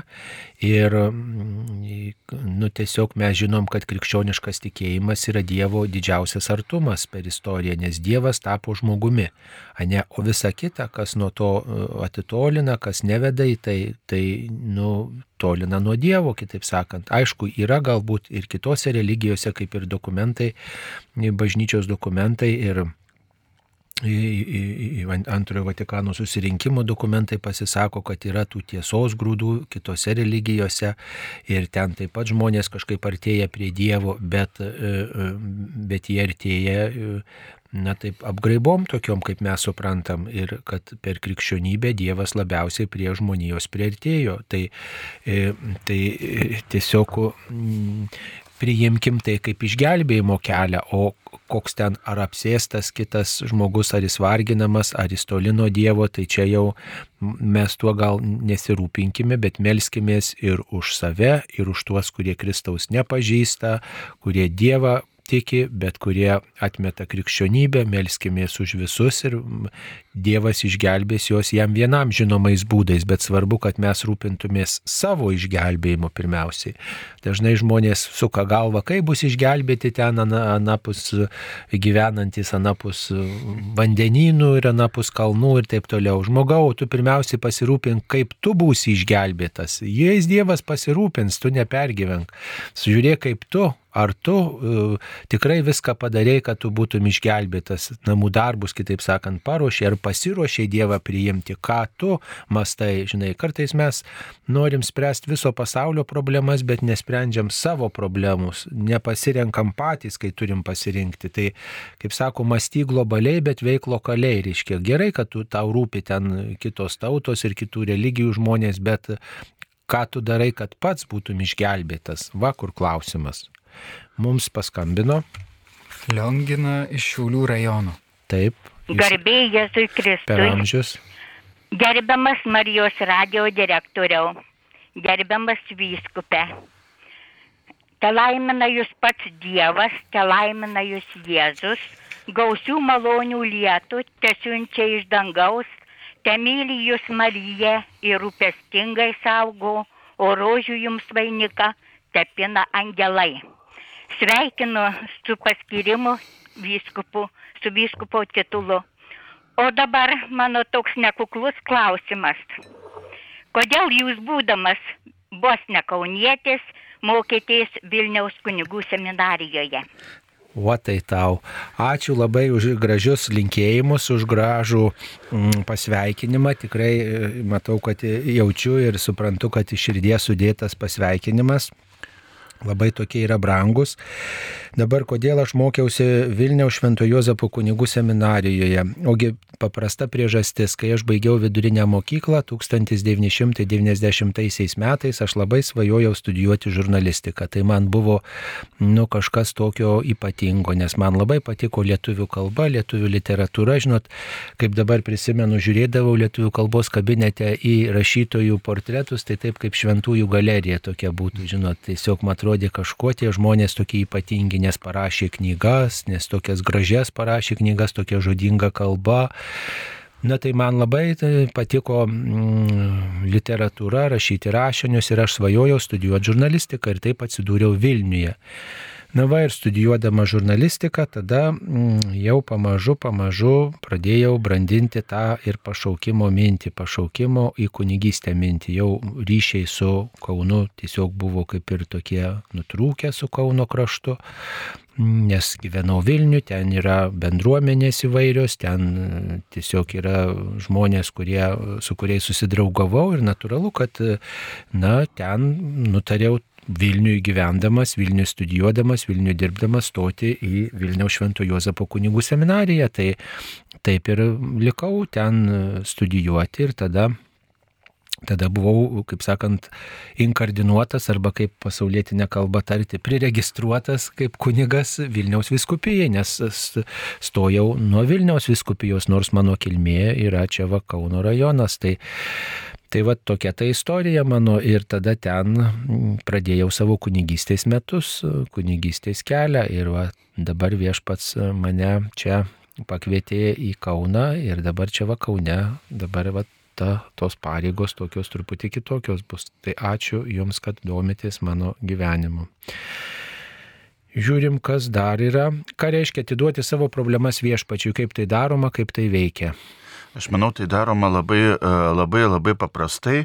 E, tai reikia prisiminti e, tėvę mūsų maldą, kur yra sakoma, tiesie tavo valia kaip danguje, taip ir žemėje. Tai kai, kai mes tiesiog pasitikim viešpačiu, atsiduodam jo valiai, tai ir visos, visos problemos yra, yra atiduotos jam nes nėra tos problemos, kurie kažkaip tai netilptų į tą, į tą viešpaties valią. Tai nereikia kažkaip kažkokių tai tenai atskirų receptų, reikia tik tai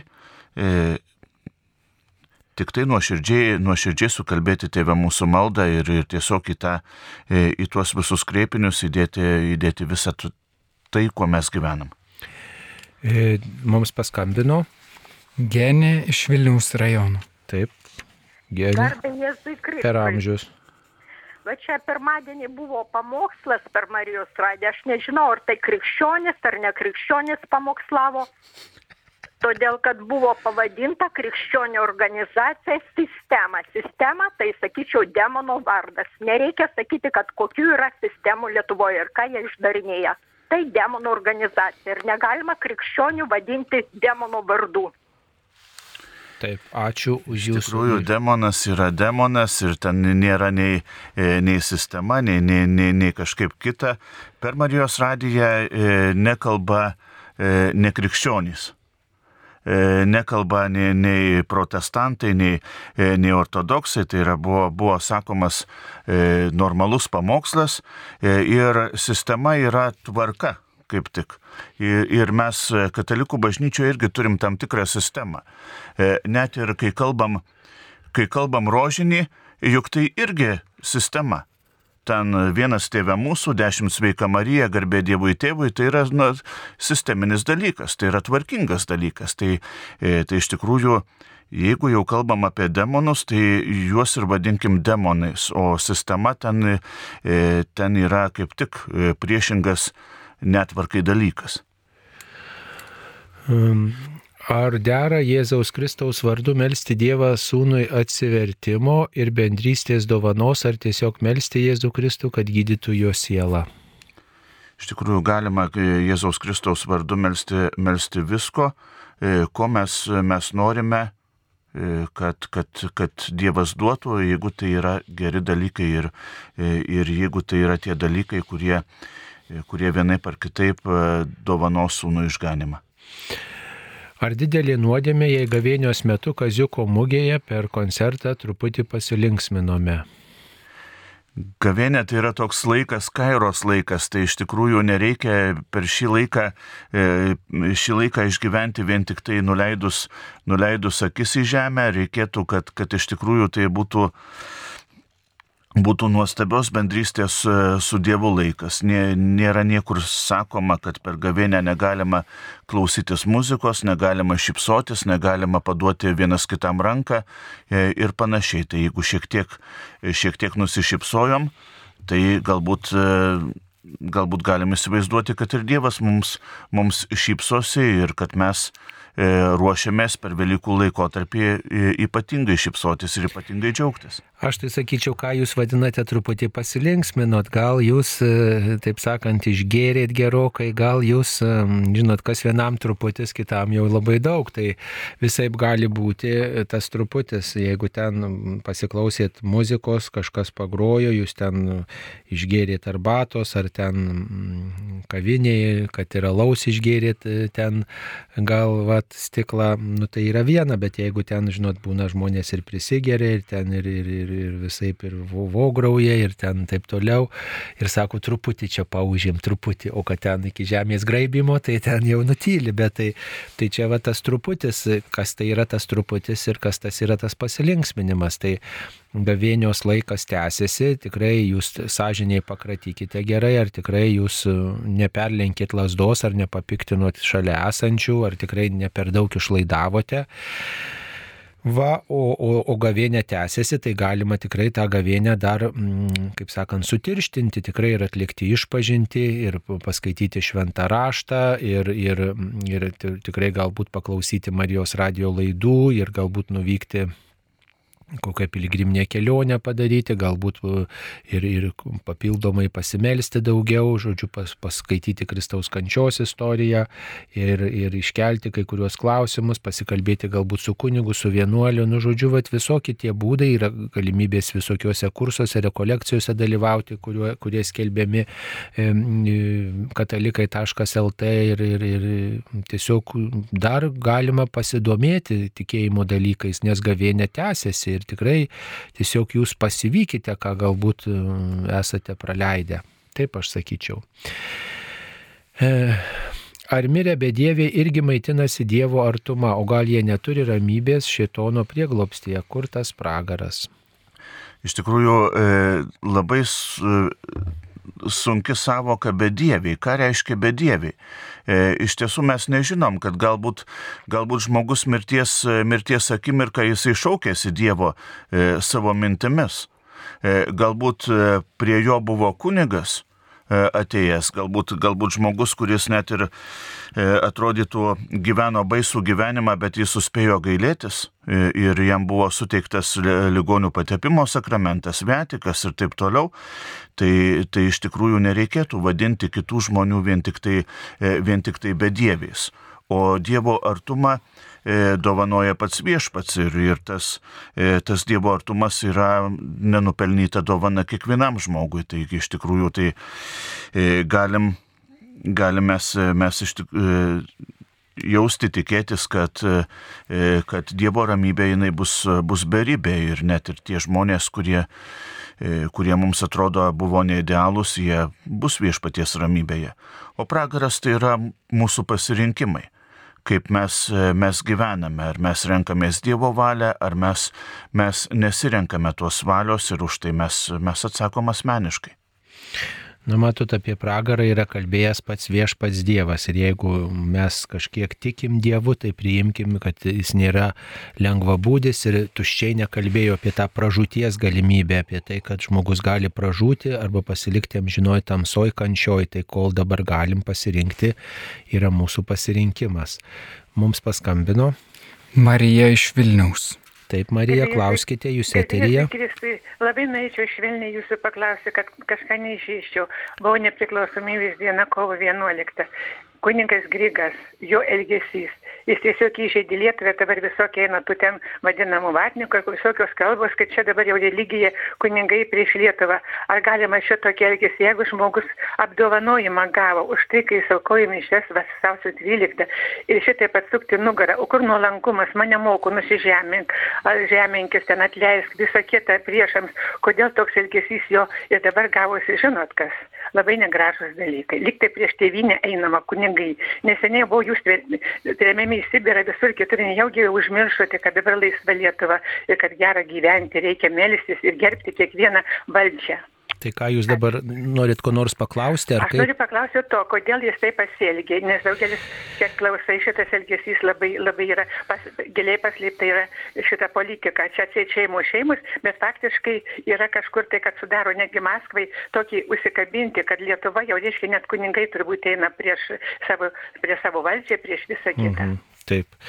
Nu tai pirmiausia, reikėtų jo paties klausti, kodėl jis taip pasielgė ir, ir kiek aš iš socialinių tinklų skaičiau, tai jis ir įvardino, kodėl taip pasielgė. Tiesiog tai galima tiksliai perskaityti Facebook'o jo paskyroje. Tiesiog, va, kam įdomu, tai jūs pasižiūrėkite. Aš dabar čia greitosiomis nesurasiu, bet e, jis įvardino tuos motyvus, kodėl jam tas apdovanojimas nėra priimtinas. Aš sakyčiau, e, čia kaip tik tai ir įrodymas, kad mes gyvenam laisvoje Lietuvoje galvoju, va, kai jisai žmogus taip jaučia savo sąžiniai, taip supranta ir jis tai pasakė ir jis turi teisę tą padaryti. Ir čia ir yra ta, ta laisvė, kad nėra prievartos nei apdovanojimą priimti, nei jo nepriimti.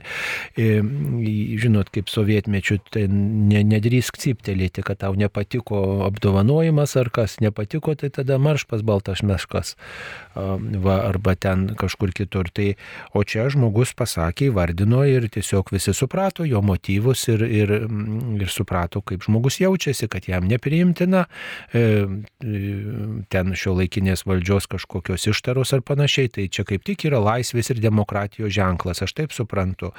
Ir mes gerbkim ir valdžią, kuri va pasiūlino, gerai pasiūlino, įvertino valio, bet gerbkim ir kunigą, kuris, nu, supranta, kad negali, nes nepritarė.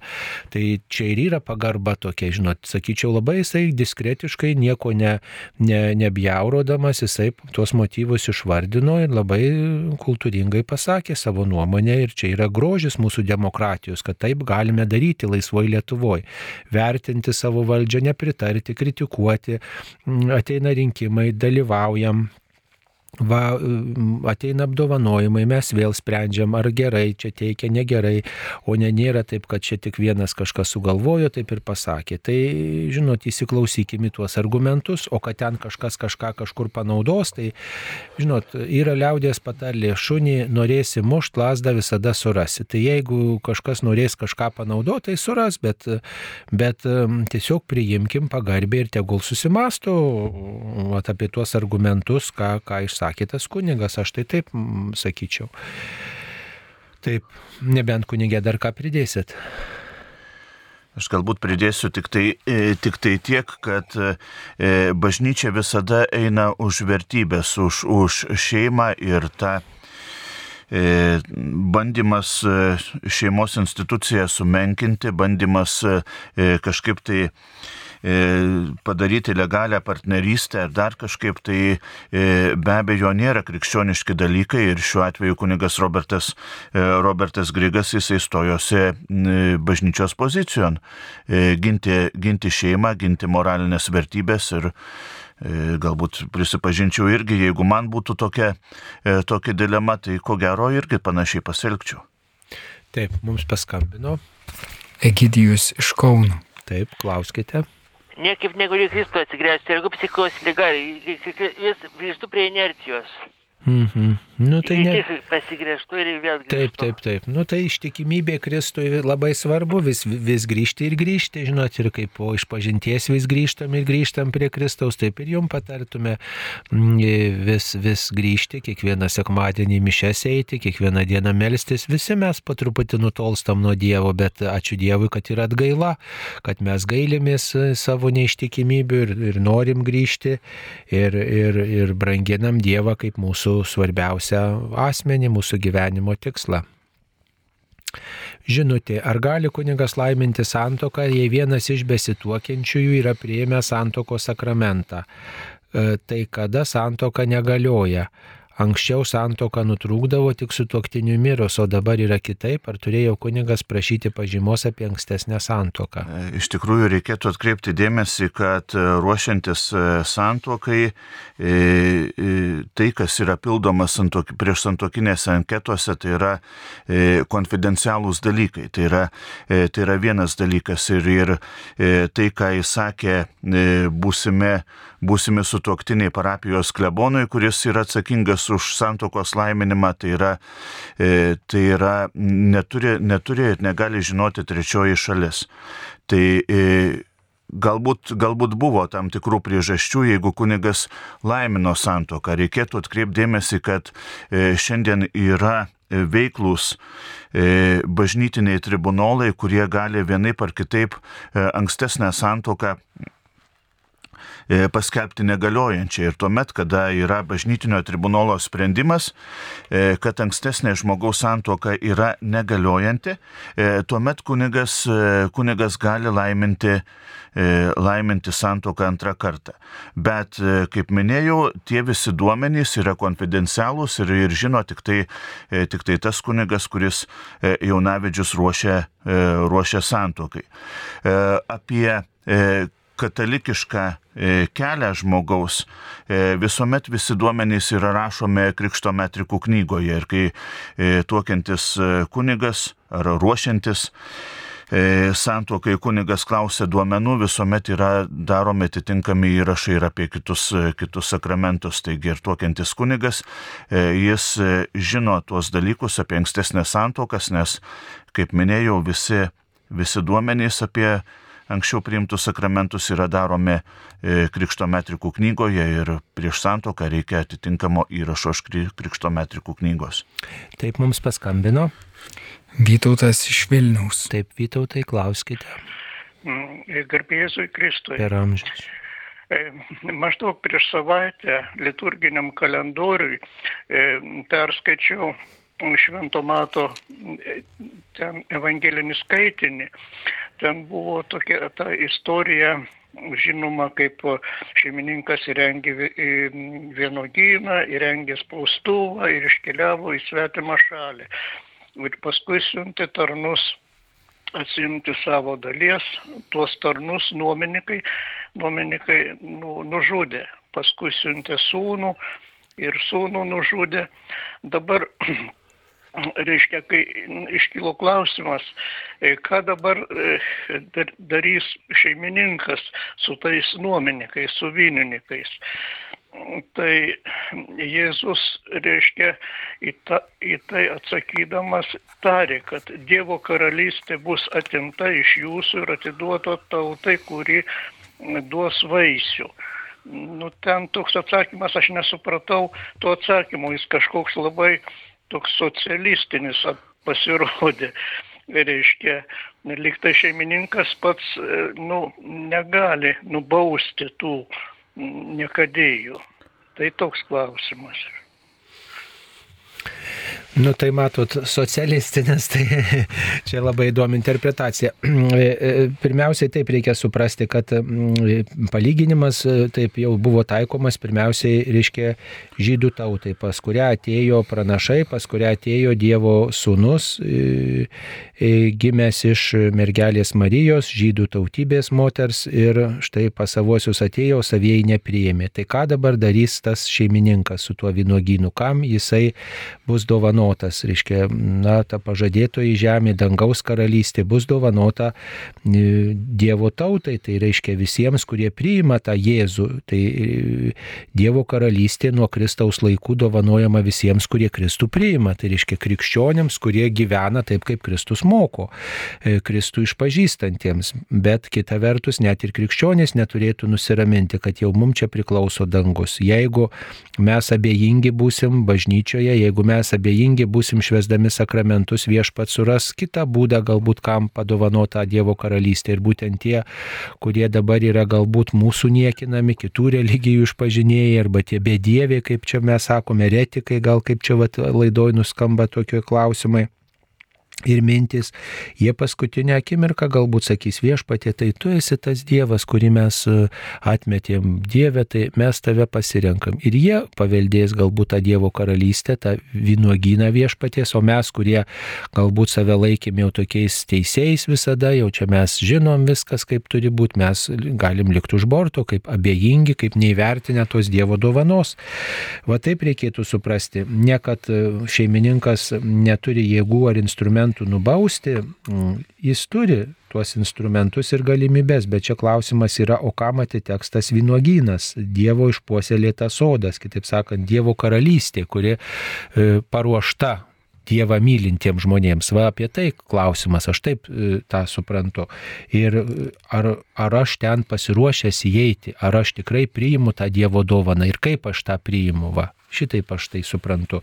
Ir e, tai klausimas ne tik apie žydus, ne tik apie krikščionis anų laikų, Kristaus sekėjus, bet ir apie mus, kaip mes priimam Dievo dovanas, tą vynogyną, kurį viešpats mums duoda, kaip mes priimam bažnyčią, ar branginam tai, ką Dievas mums davė. Žiūrėkit, sekmadienį mišios ir, ir pustuštė bažnyčia, o namuose visi sėdi prie televizorių, ten, žinai, pramogauja viską, o save laiko krikščionimis, save laiko pakrikštytis. Mes čia susitvarkę, mes pirmą komuniją prieėmėme, sakramentą santokos prieėmėme, susitvarkę. Ir mes dalyvaujam per Velykas ir tiek žinių. Per laidutuvės dar ateinam ir prašom prie mūsų nekipti. Man viskas gerai, kai blogai ateisiu.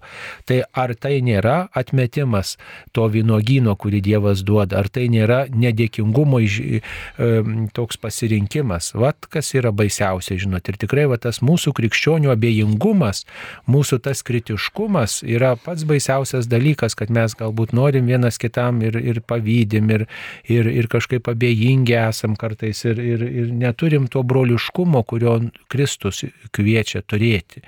Mes į vienas į kitą žiūrim kaip į konkurentą, o nežiūrim kaip į bendrą keliaivį. Va tas yra baisiausia ir va čia yra rizika didžioji mums tikrai mes kunigai galbūt rizikuojam, kad mes per mažai širdies įdedam į savo pastoraciją. Jūs, mėly tikinti žmonės, rizikuojat dėl to, kad jūs per mažai mylit viešpati, per mažai e, melžiatės, per nekarštai taip melžiatės, nemylit taip bažnyčios, kaip galėtumėt mylėti. Va, ko mes visi rizikuojam. Suprantat, va čia yra, reiktų dėl to susimastyti. Ir gavėnė skirta atsiversti mums visiems. Mums visiems pamilt labiau viešpati, mums kunigams, visiems pasauliečiams pasauliečiams tikrai įsimylėti iš naujo viešpati. Tuomet ir taikos bus daugiau, tuomet ir, ir, ir, ir, ir bendruomeniškumo bus daugiau, kad mes labiau atsigręšim į Dievą. Mums paskambino. Dalia iš Kauno. Taip, klauskite. Garbėjai Zikris. Per amžius. Aš jau sena ir norėjau paklausti, kaip man dabar elgtis e, bažnyčioj. Dabar baisiai liberalėja bažnyčios pozicija gavėnių, nu vakar aš buvau mišiuose e, ir jokios gavėnios ges, gesmės. Kunigas, pavyzdžiui, labai, jis propaguoja labai meilę, tai yra labai gerai, aš suprantu, aišku, kad meilė yra svarbiausia, bet pabrėžti jau kiek, kiekvienam galima sakyti pamokslę, jisai sako, e, kaip galima piktytis, kai jie susidėję gyvena, kokia čia nuodėmė, e, čia svarbiausia, kai jie myli, aš suprantu, bet kai nėra teisi, meilė, reiškia, be teisingumo jau skaitos palaida bala. Ir dabar jis irgi piktinas kunigu, kad, kuris liepia e, jaunajai užsisiaust, kad nebūtų tokia noga. O, o kunigo Jisai nemyli. Tai jeigu jis myli šitą moterį, kuri nepriima šitokios tvarkos, tai labiau negu kad, kad kuniga paskui jisai ant to kunigo taip gana piktai, tai aš galvoju, kur tada ta meilė. Pavyzdžiui, kaip aš pasakiau Vanukui, tai sakė, tai ze, tai ten jeigu esi pusplikis, tai tau duoda kažką užsisiausk, neleidžia bažnyčioje būti. Tai reiškia mūsų bažnyčia liberalesnė negu kad e, Prancūzijoje. Ir čia kunigas Benas, kuris yra taip labai mylimas, aš net nesuprantu, kaip jisai tau leidžia taip kalbėti, kaip man būt. Man tiesiog nebėra nuotaikos į, į bažnyčią, negi aš dabar rinksiu sena. Ji nėra mano parapijinė bažnyčia, aš ją lankau. Ką jūs man patarsi daryti? Be abejo, tai yra e, turbūt kunigo asmeninė nuomonė, bet, e, bet e, ne bažnyčios nuomonė, reikėtų, reikėtų tą, e, tą skirti. E, yra, e, yra ir turbūt jūsų parapijoje ir kitos, kitos mišios, kurias aukoja kitas kunigas, tai galbūt e, palaukit kokį pusvalandį kitą ir, ir, e, ir ateikit į, į kitas šventasias mišes, kur nebus dviprasmybių. Vėlgi norėtųsi galbūt kritiškai kritiškai atsiliepti apie tam tikras madas, kaip jūs sakote, ir e, tikrai e, ir man kartais keistokai atrodo, kada mes ir, ir per e, adventą, ir per, m, per sekmines, ir, ir per e, eilinių laikų gėdame tas pačias giesmes. E, ir per gavienę taip pat, e, juk mūsų tikėjimo lobinė, kartu ir mūsų Lietuvos, Lenkijos e, tikėjimo, e, tikėjimo lobinė yra labai gražių gavieninių giesmių. Tai iš tiesų e, norėtųsi atkreipti dėmesį ir ypatingai vargonikų ir tų, kurie, e, kurie patarnauja liturgijoje, atsakingi už liturgiją, kad galbūt e, galbūt vertėtų per gavienę gėdoti ir gavieninės giesmes, kurios yra labai, labai gražios ir labai prasmingos ir jos nėra atšauktos. Taip, dar viena žinutė, ar nebus nuodėmės į šeštadienio vakaro šventasias mišes išklausysiu už sekmadienį. Taip, nebus nuodėmės, nes šeštadienio vakare aukojamo sekmadienio išvakarių šventosios mišios. Ar nuodėmė, kad nebalsuosiu, nes nenoriu palė, paremti politikų apgaulės. Nu, reikėtų išsirinkti, e, kaip sakant, iš tų visų politikų bent vieną, kuris kaip sakant, mažiausiai, mažiausiai, kaip sakyt, neigiamų balų jūsų akise turinti žmogus ir, ir balsuoti, dalyvauti tikrai reikėtų, nes tada piktintis po to, kad kažkas išrinktas ne tas, nu, neturėsim paprasčiausiai teisės. Tai labai gaila, kad tiek mažai žmonių dalyvauja rinkimuose. Taip, čia palaikymo žinutės kunigui Grigui, taip mm, gerai, dabar žiūrim toliau, koks kitų religijų požiūris į krikščionybę, kaip jie mus mato, kuo nepriimti, nesuprantami mes esame jiems nu, ko nesuprantami, dėl, nesuprantami esame dėl, dėl to, kad Dievas tapo žmogumi, dėl to, kad valgom Kristaus kūną ir kraują, kad Kristus tuose pavydaluose pasilieka, nu va, kaip jie mus mato. Tiesą sakant, nelabai gal ir įdomu, kaip kiti čia mus mato. Svarbiausia, kad mes matom tame prasme, tiesą Ir matom, kad Dievas um, per įvairius ženklus um, atkalbėjo ir vat, galiausiai prabilo per savo sūnų. Ir, ir manau, kad labiausiai krikščionybė yra puolama iš visų religijų ir turbūt tai yra, nu, kad pakankamai rimtas argumentas, kad, kaip sakant, tai yra vis tiek teisingas kelias, nes, nes um, jeigu tai būtų klystkelis, tai tikriausiai ir nebūtų tiek puolimo krikščionybės atžvilgių. Tikėjimo mums paskambino. Jonas iš druskininkų. Taip, klauskite.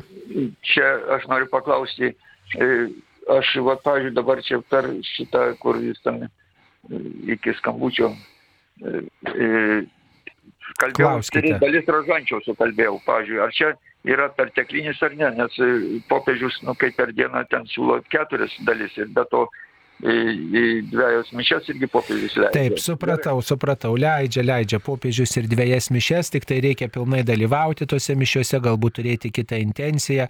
Nu, yra tokių žmonių tikrai ultra pamaldžių, ačiū Dievui, kad, kad yra pamaldžių žmonių, bet reikia žiūrėti, ar jūs melzdamasis neapleidžiat savo įsipareigojimų, savo šeimos, savo darbo, ar tikrai atliekat visus tos įsipareigojimus, ar visą tai, kas, kas reikia padaryti, padarote, iš ko duona valgo saugote, ar tikrai viskas atliekama ir tikrai jūsų artimieji nėra kankiniai šalia tokio labai pamaldaus žmogaus. Kartai, žinot, kitiem už, už, užkraunam savo darbus, o patys maldas melžiamės. Tai kiekvienas pagal savo luomą turi melstis. Tai čia šventas e, Pranciškus Salezas yra tą pasakęs, reiškia, prieš daugybę e, metų, va, kad pagal savo luomą ir pamaldumą reikia pasirinkti. Jeigu jūs norit ultra melstis, eikite į vienuolyną tada, ne, kurių tikrai yra 8 valandos per dieną skiriamos maldai, bet ir aštuonios darbui, pavyzdžiui, ir panašiai. Bet jeigu esat šeimos tėvas, tai tada derinkit savo pamaldumą su šeimos įsipareigojimais.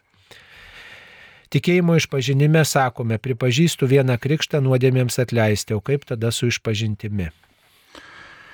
Iš tikrųjų, mes tikime, kad nėra antro krikšto, kad mes esame pakrikštyti visam laikui, kad, kad nėra ir negalima kažkaip tai žmogaus perkrikštyti ir panašiai. Buvo toks laikas bažnyčioje, ypatingai pirmaisiais, pirmaisiais amžiais, kada krikštas buvo ir atidėliojamas, ir, ir švenčiamas prieš žmogaus mirtį. Ir tada žmogus, žmogus apgailėdavo visas savo gyvenimo klaidas ir nuodėmės. Dabar, kada krikštėjama daugiausiai vaikystėje, sugrįžtama prie to, kad kartais žmogus ir pamiršta tą krikšto malonę ir padaro įvairias nuodėmės, kurios jau yra po krikšto. Taigi atgaila išpažintis yra skirta toms nuodėmėms, kurias mes jau padarėme po krikšto. Nu, kitaip sakant, ta, ta išpažintis yra tarsi to krikšto toks atnaujinimas, kada aš išpažįstu ir pasirenku iš naujo viešpati Kristų. Va, ir, ir tiesiog jo dovanojam atleidimą priimu va, šių laikų padarytoms nuodėmėms. Ir žinom, kad ir ateidavo pas Jėzų išpažinti savo klaidų ir, ir tiesiog priimdavo jo atleidimą. Ir, Ir taip pat, taip pat žmonės keisdavosi susitikę Kristų, palikdavo nuodėmingą gyvenimo kelią, va, tas Dievo artumas juos be galo nu, įpareigodavo gyventi kitaip. Tai va ir mes tą išpažinti išgyvenam. Dar viena žinutė. Taip. Čia tokia žinutė dar yra. Gavėnios penktadieniais mišes visada aukoja kunigas Benas, bet mane taip papiktino jo visuotinė meilė, nuotaka atėjų bažnyčia. Taip, nu tai čia atsako dar, dar bando komentuoti žmonės šitą vat, visą istoriją apie apsirengimą bažnyčioje. Nu tai žinot, kunigai gali turėti kažkokią nuomonę, bet vis tiek yra, kaip sako, dres kodas, yra aprangos kodas, kai mes einam į pležą vienaip, einam į Seimą kitaip pas va, savo vadovus, o bažnyčiai vėl einam su tam tikra apranga, tai reikia gerbti ir, ir bažnyčią, ir, ir, ir Dievą, ir, ir, ir kitus žmonės, tai va, tai kitaip elgiamės vakarėlį apsirengę, apsirengimas kitas, kai su draugais susitinkam arbatos išgerti, pasikalbėti, torčiuką suvalgyti, yra vienas kodas, yra vestuvės, vėl, žodžiu, žmonės pasipuošia, nes tai yra gyvenimo šventė, toks va, rimtesnis žingsnis, tai tikrai žmogus ir savo šventę išorėje išgyvena, o tas nuogo kūno parodimas, nu, jisai vis dėlto yra tam tikras ir ir į nuodėmę vedimas, šiaip ar taip aišku, žmogus čia taip jaučiasi, nori parodyti save, bet žinom, kad vyrai, pavyzdžiui, jie, jie turi patiria daug pagundų matydami nuogą moters kūną. Tai, tai ir mintys visokios ateina, ir gašlumo, gašlumas, ir, ir taip toliau. Tai čia, žinot, moteris turėtų atsakingiau vis dėlto dėvėti, gerbti save ir gerbti vyrus, kuriuos sutinka. Reiškia, tai yra ir psichologijos daug ištarų tais klausimai pas, pasakyta, ir teologija, žodžiu, daug yra pasakiusi, žodžiu, ir ta pati kūno teologija Jono Pauliaus antrojo apie tai yra užsiminusi, žodžiu, tas pagarba žmogui, jinai turi reikštis visokiais lygmenimis, tai mm, vienareikšmiškai.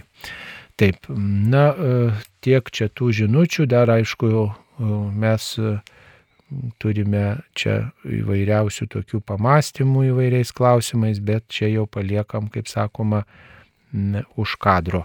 Tai ačiū kunigui Nerijui Pipirui, kuris dalyvavo šioje laidoje. Ačiū kunigė, kad jūs rūpinatės Adėlės dirsytės betifikacijos procesu. Tikrai neseniai pasirodė knygelė apie Adėlę dirsytę iliustruota. Tai tikrai malonu, kad gali ir jaunimas susidomėti.